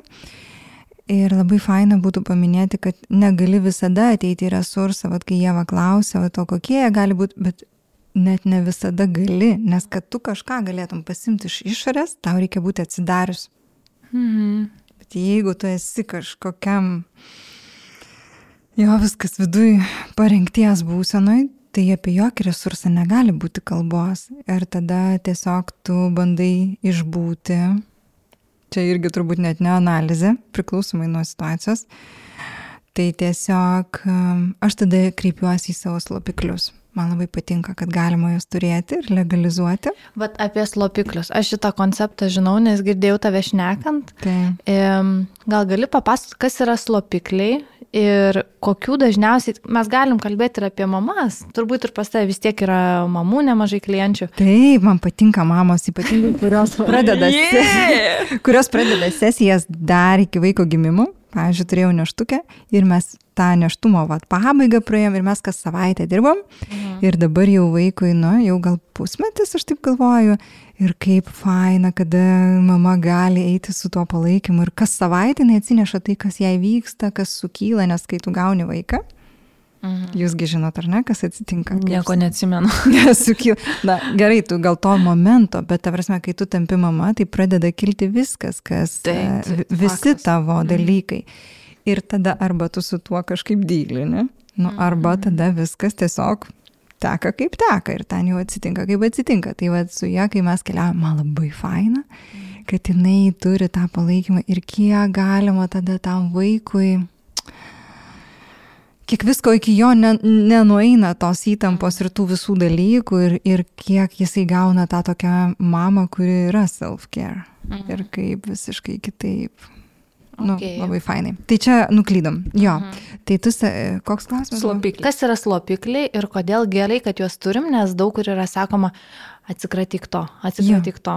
Nes nori atimti viską, žinai, nu čia irgi psichologinio smurto forma, tu turi būti kitokia negu esi, o kaip tau dylinti su tuo, kaip tu jautiesi, nu tai susijimk. Mhm. Čia ta pati smurto forma, apie kurią mes šiandien. Slopiklio pavyzdžių prašom. Tai slopiklio pavyzdys. Nu tai gerai, vieni populiariausių, nu tai kas skrolinimas, valgymas, rūkimas, alkoholis, gemblinimas, santykiai, šopingas, seksas. Bet čia pusė išvardinai, kur sako, kad reikia mesti ir tai yra žalinga, kenkia ja. žmogui, o ja. iš kitos pusės dabar sakai, kad tai išsigelbėjimas. E, žiūrint, kaip žiūri į save. Čia nuo požiūrį į save kampo priklauso. Žinai. Bet yra Jeigu... medicina, Taip. kuri įrodė, kad rūkimas kenkia ir sukelia vėžį. Čia. Nu, Žmonės juokiasi. Jis tas liūdėjo juokis, nes rūkantis juokiasi. Aš tai tiesiog nenoriu. O dabar leisk laukti. Jo. Konfrontuoti tave. Gerai. Aš net neplanuoju. Aš tikrai žinau. Jeigu tu galvoji, kad reikia save įstatyti į sveiko gyvenimo rėmus ir tu jausies tame gerai, aš tikrai tik tais pasidžiaugsiu. Klausimas, mm -hmm. kaip tu tai padarysi ir kiek tau tai kainuos. Ir kokiam santykė su savimi būsi. Nu, aš niekada nemėgau savęs privartauti. Nu, ne, ne, dabar galvoju, turbūt netiesa, bet kas liečia vad slopiklius. Nes tikrai vis tiek prievartauju tik kitais būdais. tai aš atrandu, mes išradingi esam. Bet e, kas liečia slapiklius, man kažkaip nepatikdavo, kad reikia, pažiūrėjau, mesti rūkyti. Nu, man ne fainai, nu kažkokia nesąmonė, aš jaučiau, kad tame nėra kažkokios detalės trūksta, žinai, nu nes, nu, juk tie, kas rūko, jiegi žino, kad kenkia, bet jiegi vis tiek rūko. Tai Nu tai tada tas ten reikia mesti rūkyti, reikia e, mesti emocinį valgymą, reikia mesti, nu, ir ką tu metus veiksi, kaip ten atrodys tas visas momentas, nes kada tu tai darai, tu kažką slopini. Tai žinoma, bet tam yra terapija. Taip kaip mokytoja, ar ne? Tai E, Aš pavydžiu tavo vaikams. Aš, te, aš tiesiog... ir ne. tam yra tas, o tam yra tas, daryk taip ir bus gerai. Aš esu labai nelogiškas žmogus, mano vyras galėtų tai pasakyti, bet aš tiesiog noriu atstovauti yeah. klausytojų auditoriją, nes tikrai yra didelė žmonių grupė, kurie... Čia yra labai paprasti esminiai klausimai, Taip. su kuriais mes susidurėm kasdien ir gyvenam. Jo, Tai- bet, tada, bet tada iš šitos pozicijos į terapiją irgi ateis. Tai tam yra terapija, aš ateinu dirbti su savimi, kad būti kitokia. Taip, šiaip Tai mesti toks labai- rūkyti galės tik tie, kurie sąmoningai supras, kodėl jam reikia tą padaryti. Bet Nu, nu, vat- tas lapiklis man, hmm, pem ant pem, žinai, iki kokios ribos mes einam ir Va, į, į koks tai va. lapiklis tikrai yra žalingas Tai, jau. va, tai čia labai svarbu, žinai, nenukrypti. Bet koks slopiklis bus žalingas a, priklausomai nuo kiekio, nes tas pats šokoladas, aš labai mėgstu šitą pavyzdį. Tas pats šokoladas gali būti tiek slopiklis, tiek resursas ir taipogi tam pačiam žmogui ir skirtingais atvejais. Priklausomai nuo to, kokioj būsenoje ir kaip tu jį valgysi. Jeigu tu šiuo metu esi labai labai, e, nu, vat, kažkokia ar ne, susijaudinus ir kažką jauti, ko nenori jausti, ir tu griepsies šokolado, tai tu nuslopinsi pojūtį, ar tu jausies užsipildžiusi, žinai, faina, ne. Tu jausies vis tiek biški šudinai, bet ne tai baisiai kaip prieš šokoladą. Teisingai. Nu, bus biški bloga. Tiesiog. Nu, tada pasakytum, tai reikėjo nevalgyti šokolado, o kaip reikėjo daryti? Tugi negali bėgti kiekvieną kartą pas terapeutą, jeigu tu neturi terapeuto. Tada reikia turėti, ar ne? Nu tai gerai, dėl po savaitės pas terapeutą. Tai aš tai labai nemėgstu slopiklio iš savęs atėmimo, a, todėl kad tai yra vienas iš, nu, man tai atrodo viena iš tokių nepagarbos arba smurto formų, žinai, atimti viską ir žiūrėti, kaip tu išplauksi, davai, bandyk sveikai. Aš tai sakyčiau, kad kaip tik visada būti savo pusėje. Jeigu tu tikrai žinai, ką tu darai ir darai tai sąmoningai, tai tau to slopiklio reikės daug mažiau. Jeigu tu dar parinksi jį sąmoningai iš visų įmanomų, tai suveiks daug greičiau, reikės mažiau ir tai iškart sumažina kiekį. Antras dalykas, tai duoda tau um, neateinantį vidinį kritiką, kuris ten sako, aha, vėl prisirijai šokolado. Žiūrėkėtų, dabar turėsi sportuoti. Ar ne?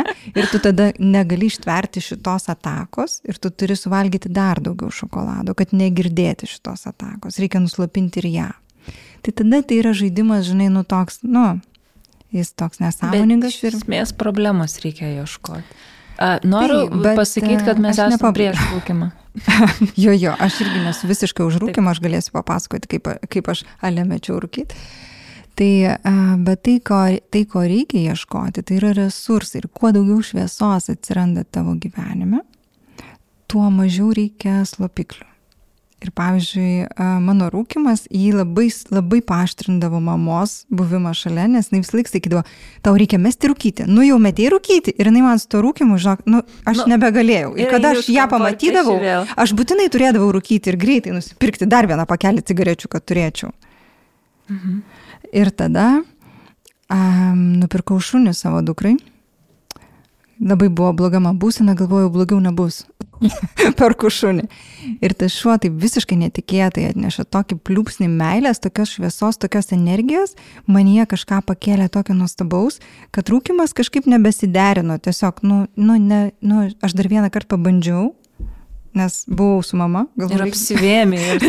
Ne, aš neapsivėmiau, bet kažkaip galvoju, šūdas kažkoks čia turbūt nebepatinka man. Nu tiesiog, ir tai atkrito. Ir taip atkrito labai daug slopiklių mano gyvenime. Tai mano emocinis valgymas būdavo, dieve, ten vakare aš ten cornflakesų poką, tokį didžiausią, pasiemu ir pieno visą poką. Ir varau, biški to, biški to, dabar trūksta šito, dabar trūksta šito. Ir aš ten valgydavau. Sojos. Dieve ko aš ten neišdarinėdavau. Ir kada atsirado resursai ir kuo jų buvo daugiau, tuo mažiau man reikėjo to slopiklio, bet aš niekada neturėjau tikslo jį patraukti. Mhm. Čia yra išmintingų žmonių ėjimai. Jo, bet aš galiu pasakyti, kad tai veikia, nu, vat, ką Laura sako, iš tikrųjų.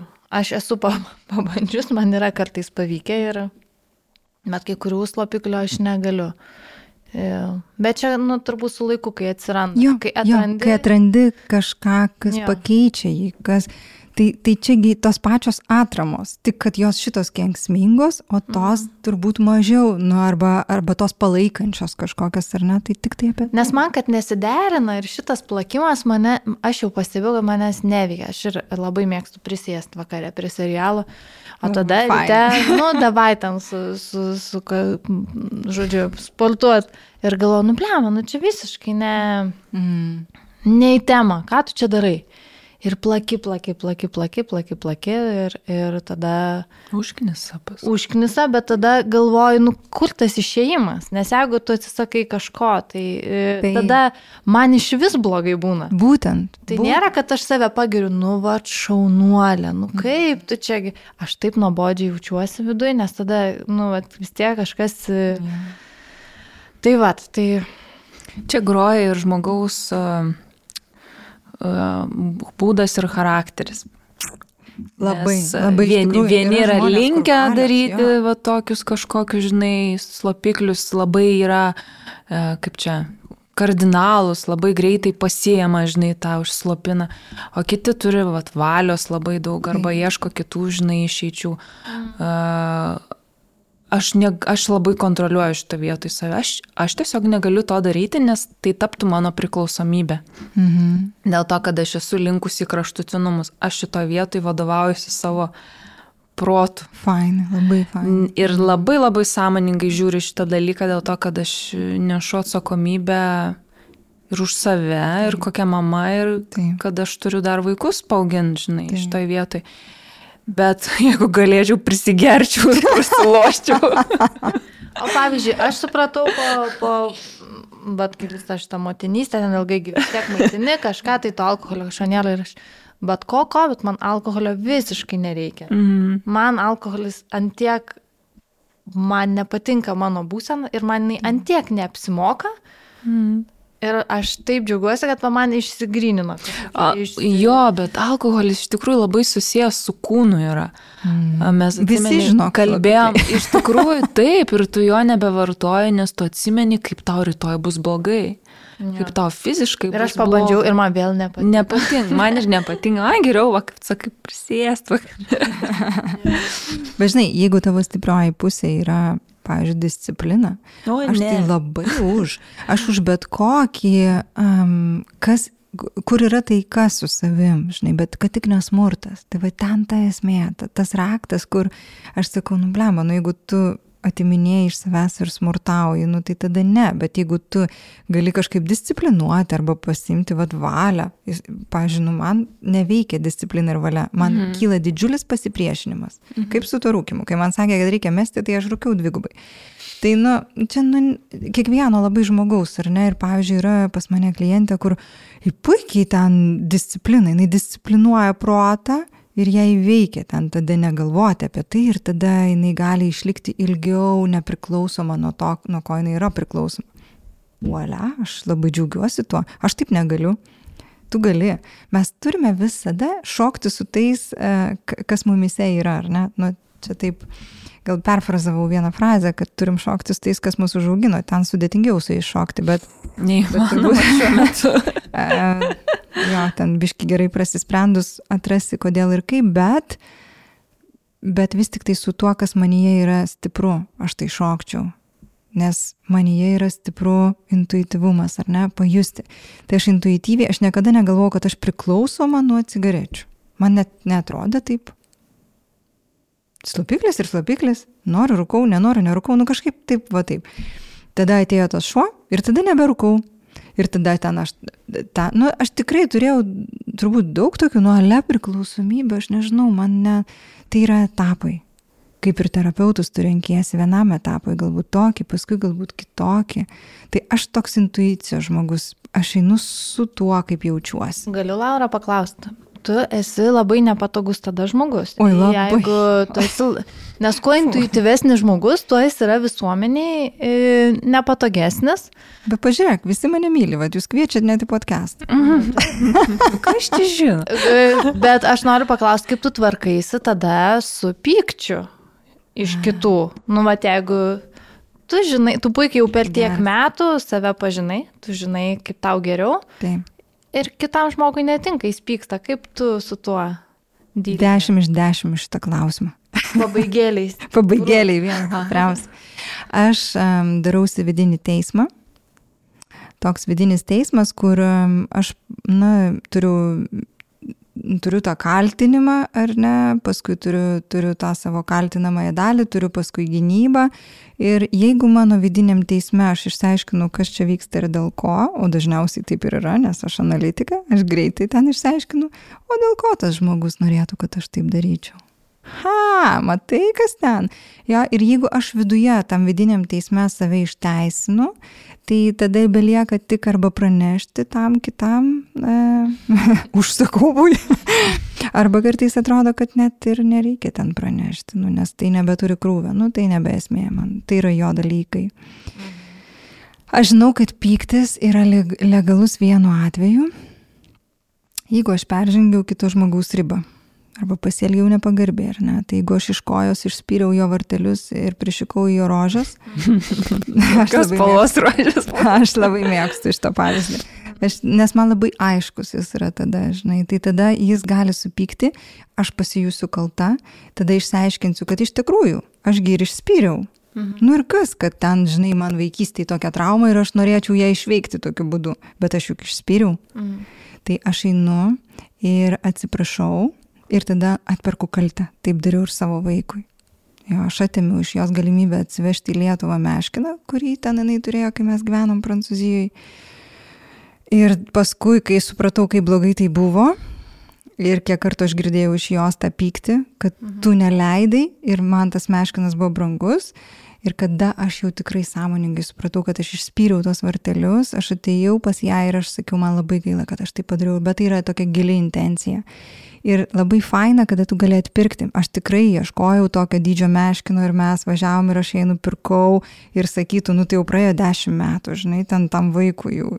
Jinai miega su juo visada ir jai tai yra svarbu. Ir aš manau, kad kiekvienam žmogui, žinai, jeigu tu peržengi ribą, labai faina, jeigu tu gali susireguliavęs sugrįžti, atsiprašyti, kažkaip išpirkti kaltę. Bet labai dažnai mus palieka su kalte, kai mes jokių vartelių neišspyrėm. Mhm. Tiesiog nepatenkinom lūkesčių. O, šitas kalties jausmas yra viską verintis dalykas, iš esmės keičiantis labai daug ką. Nu, ten labai tada dažnai turėti reikia vidinį teismą ir tiesiog pasakyti, kad tai yra jo lūkestis. Ir aš, man, bet kada tu viduje išteisini save, tu į tą jo lūkestį pažiūri su tokia pagarba ir atjauta, kad, nu, man labai gaila, kad jis turi lūkestį. Bet aš noriu ieškoti teisybės tada. Tai ją reikia rasti vidiniam teisme. Inicijuok, kažkada pabandyk, Lina, va tokį viduje atsisėsk ir ten su visais. Tai papasako, kaip tas teismas, koks procesas.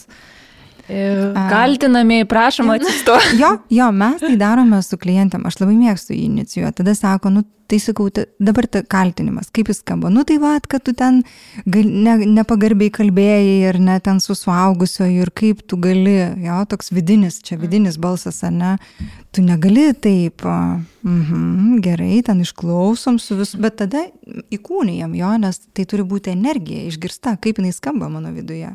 Kai įkūnijai, tada jis jau labai aiškus tas žmogus tavyje.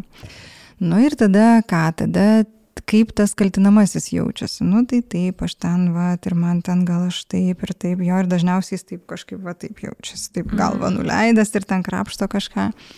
Bet jis irgi yra pamatytas, išgirstas. Nu ir tada gynyba, nu ir gynyba dažnai reikia paskatinti, nes gynyba tai būna dažnai tokia, nu, gal ten jam ir buvo skaudu, ar jį ten kažkaip užgavo. Sakau, čia tokia tikrai jūs gynyba.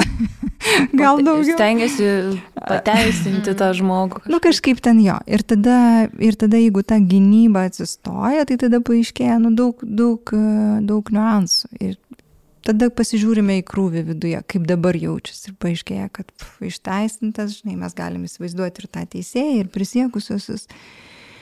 Ir tą išteisinimo momentą, ir tada pasikeičia krūvis tavo viduje. Ir tiesiog tada paklausiu, ar tu nori tam žmogui, nu, kažką pasakyti. Ir dažnai tai būna ne, jeigu tai buvo kažkokia ataka ar ne. O kartais tai gali būti jo, aš norėčiau atsiprašyti. Hmm. Čia išmintinga gaida. Išmintinga gaida. Mes ir pabaigsime šį pokalbį, išnešė biški tiesiog klausiau ir... Bet čia bendrai apie, ne tik apie kūną, ne tik apie terapiją, bet ir daug labai visokių kitų kampų. Man tai, žinai, šitas visas e, podcastas yra apie pagarbą turbūt savo ir tą Jo. palaikymą, kaip jį susiras, kurio ypač motinystėje, kaip sakant, kai esi mama, labiausiai reikia mamos. Toksai, e, kaip tą ieškot, kokiu priemonių ir kaip pagaliau išgirst, kad tau jų apskritai reikia. Sustojimą. Sustoti. Taip, tai va, ačiū labai Laura. Ačiū, kad Labai, pasikvietėt. labai ačiū, kad atvykai ir mes tiek daug visko priešnekėjom.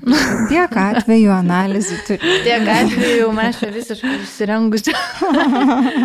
tai va, gerai, tai ačiū. Ačiū. O dar jums. kokia reklamytė gal? Nu ne apie koldūnus. Jo, mūsų, mūsų šiaip, Rūkimas kenkia jūsų sveikatai. mūsų tinklalaidės dažniausiai remia. Bet šį kartą mes remiam pačią save. Ir kas susišaukia su mūsų podcast'o tema.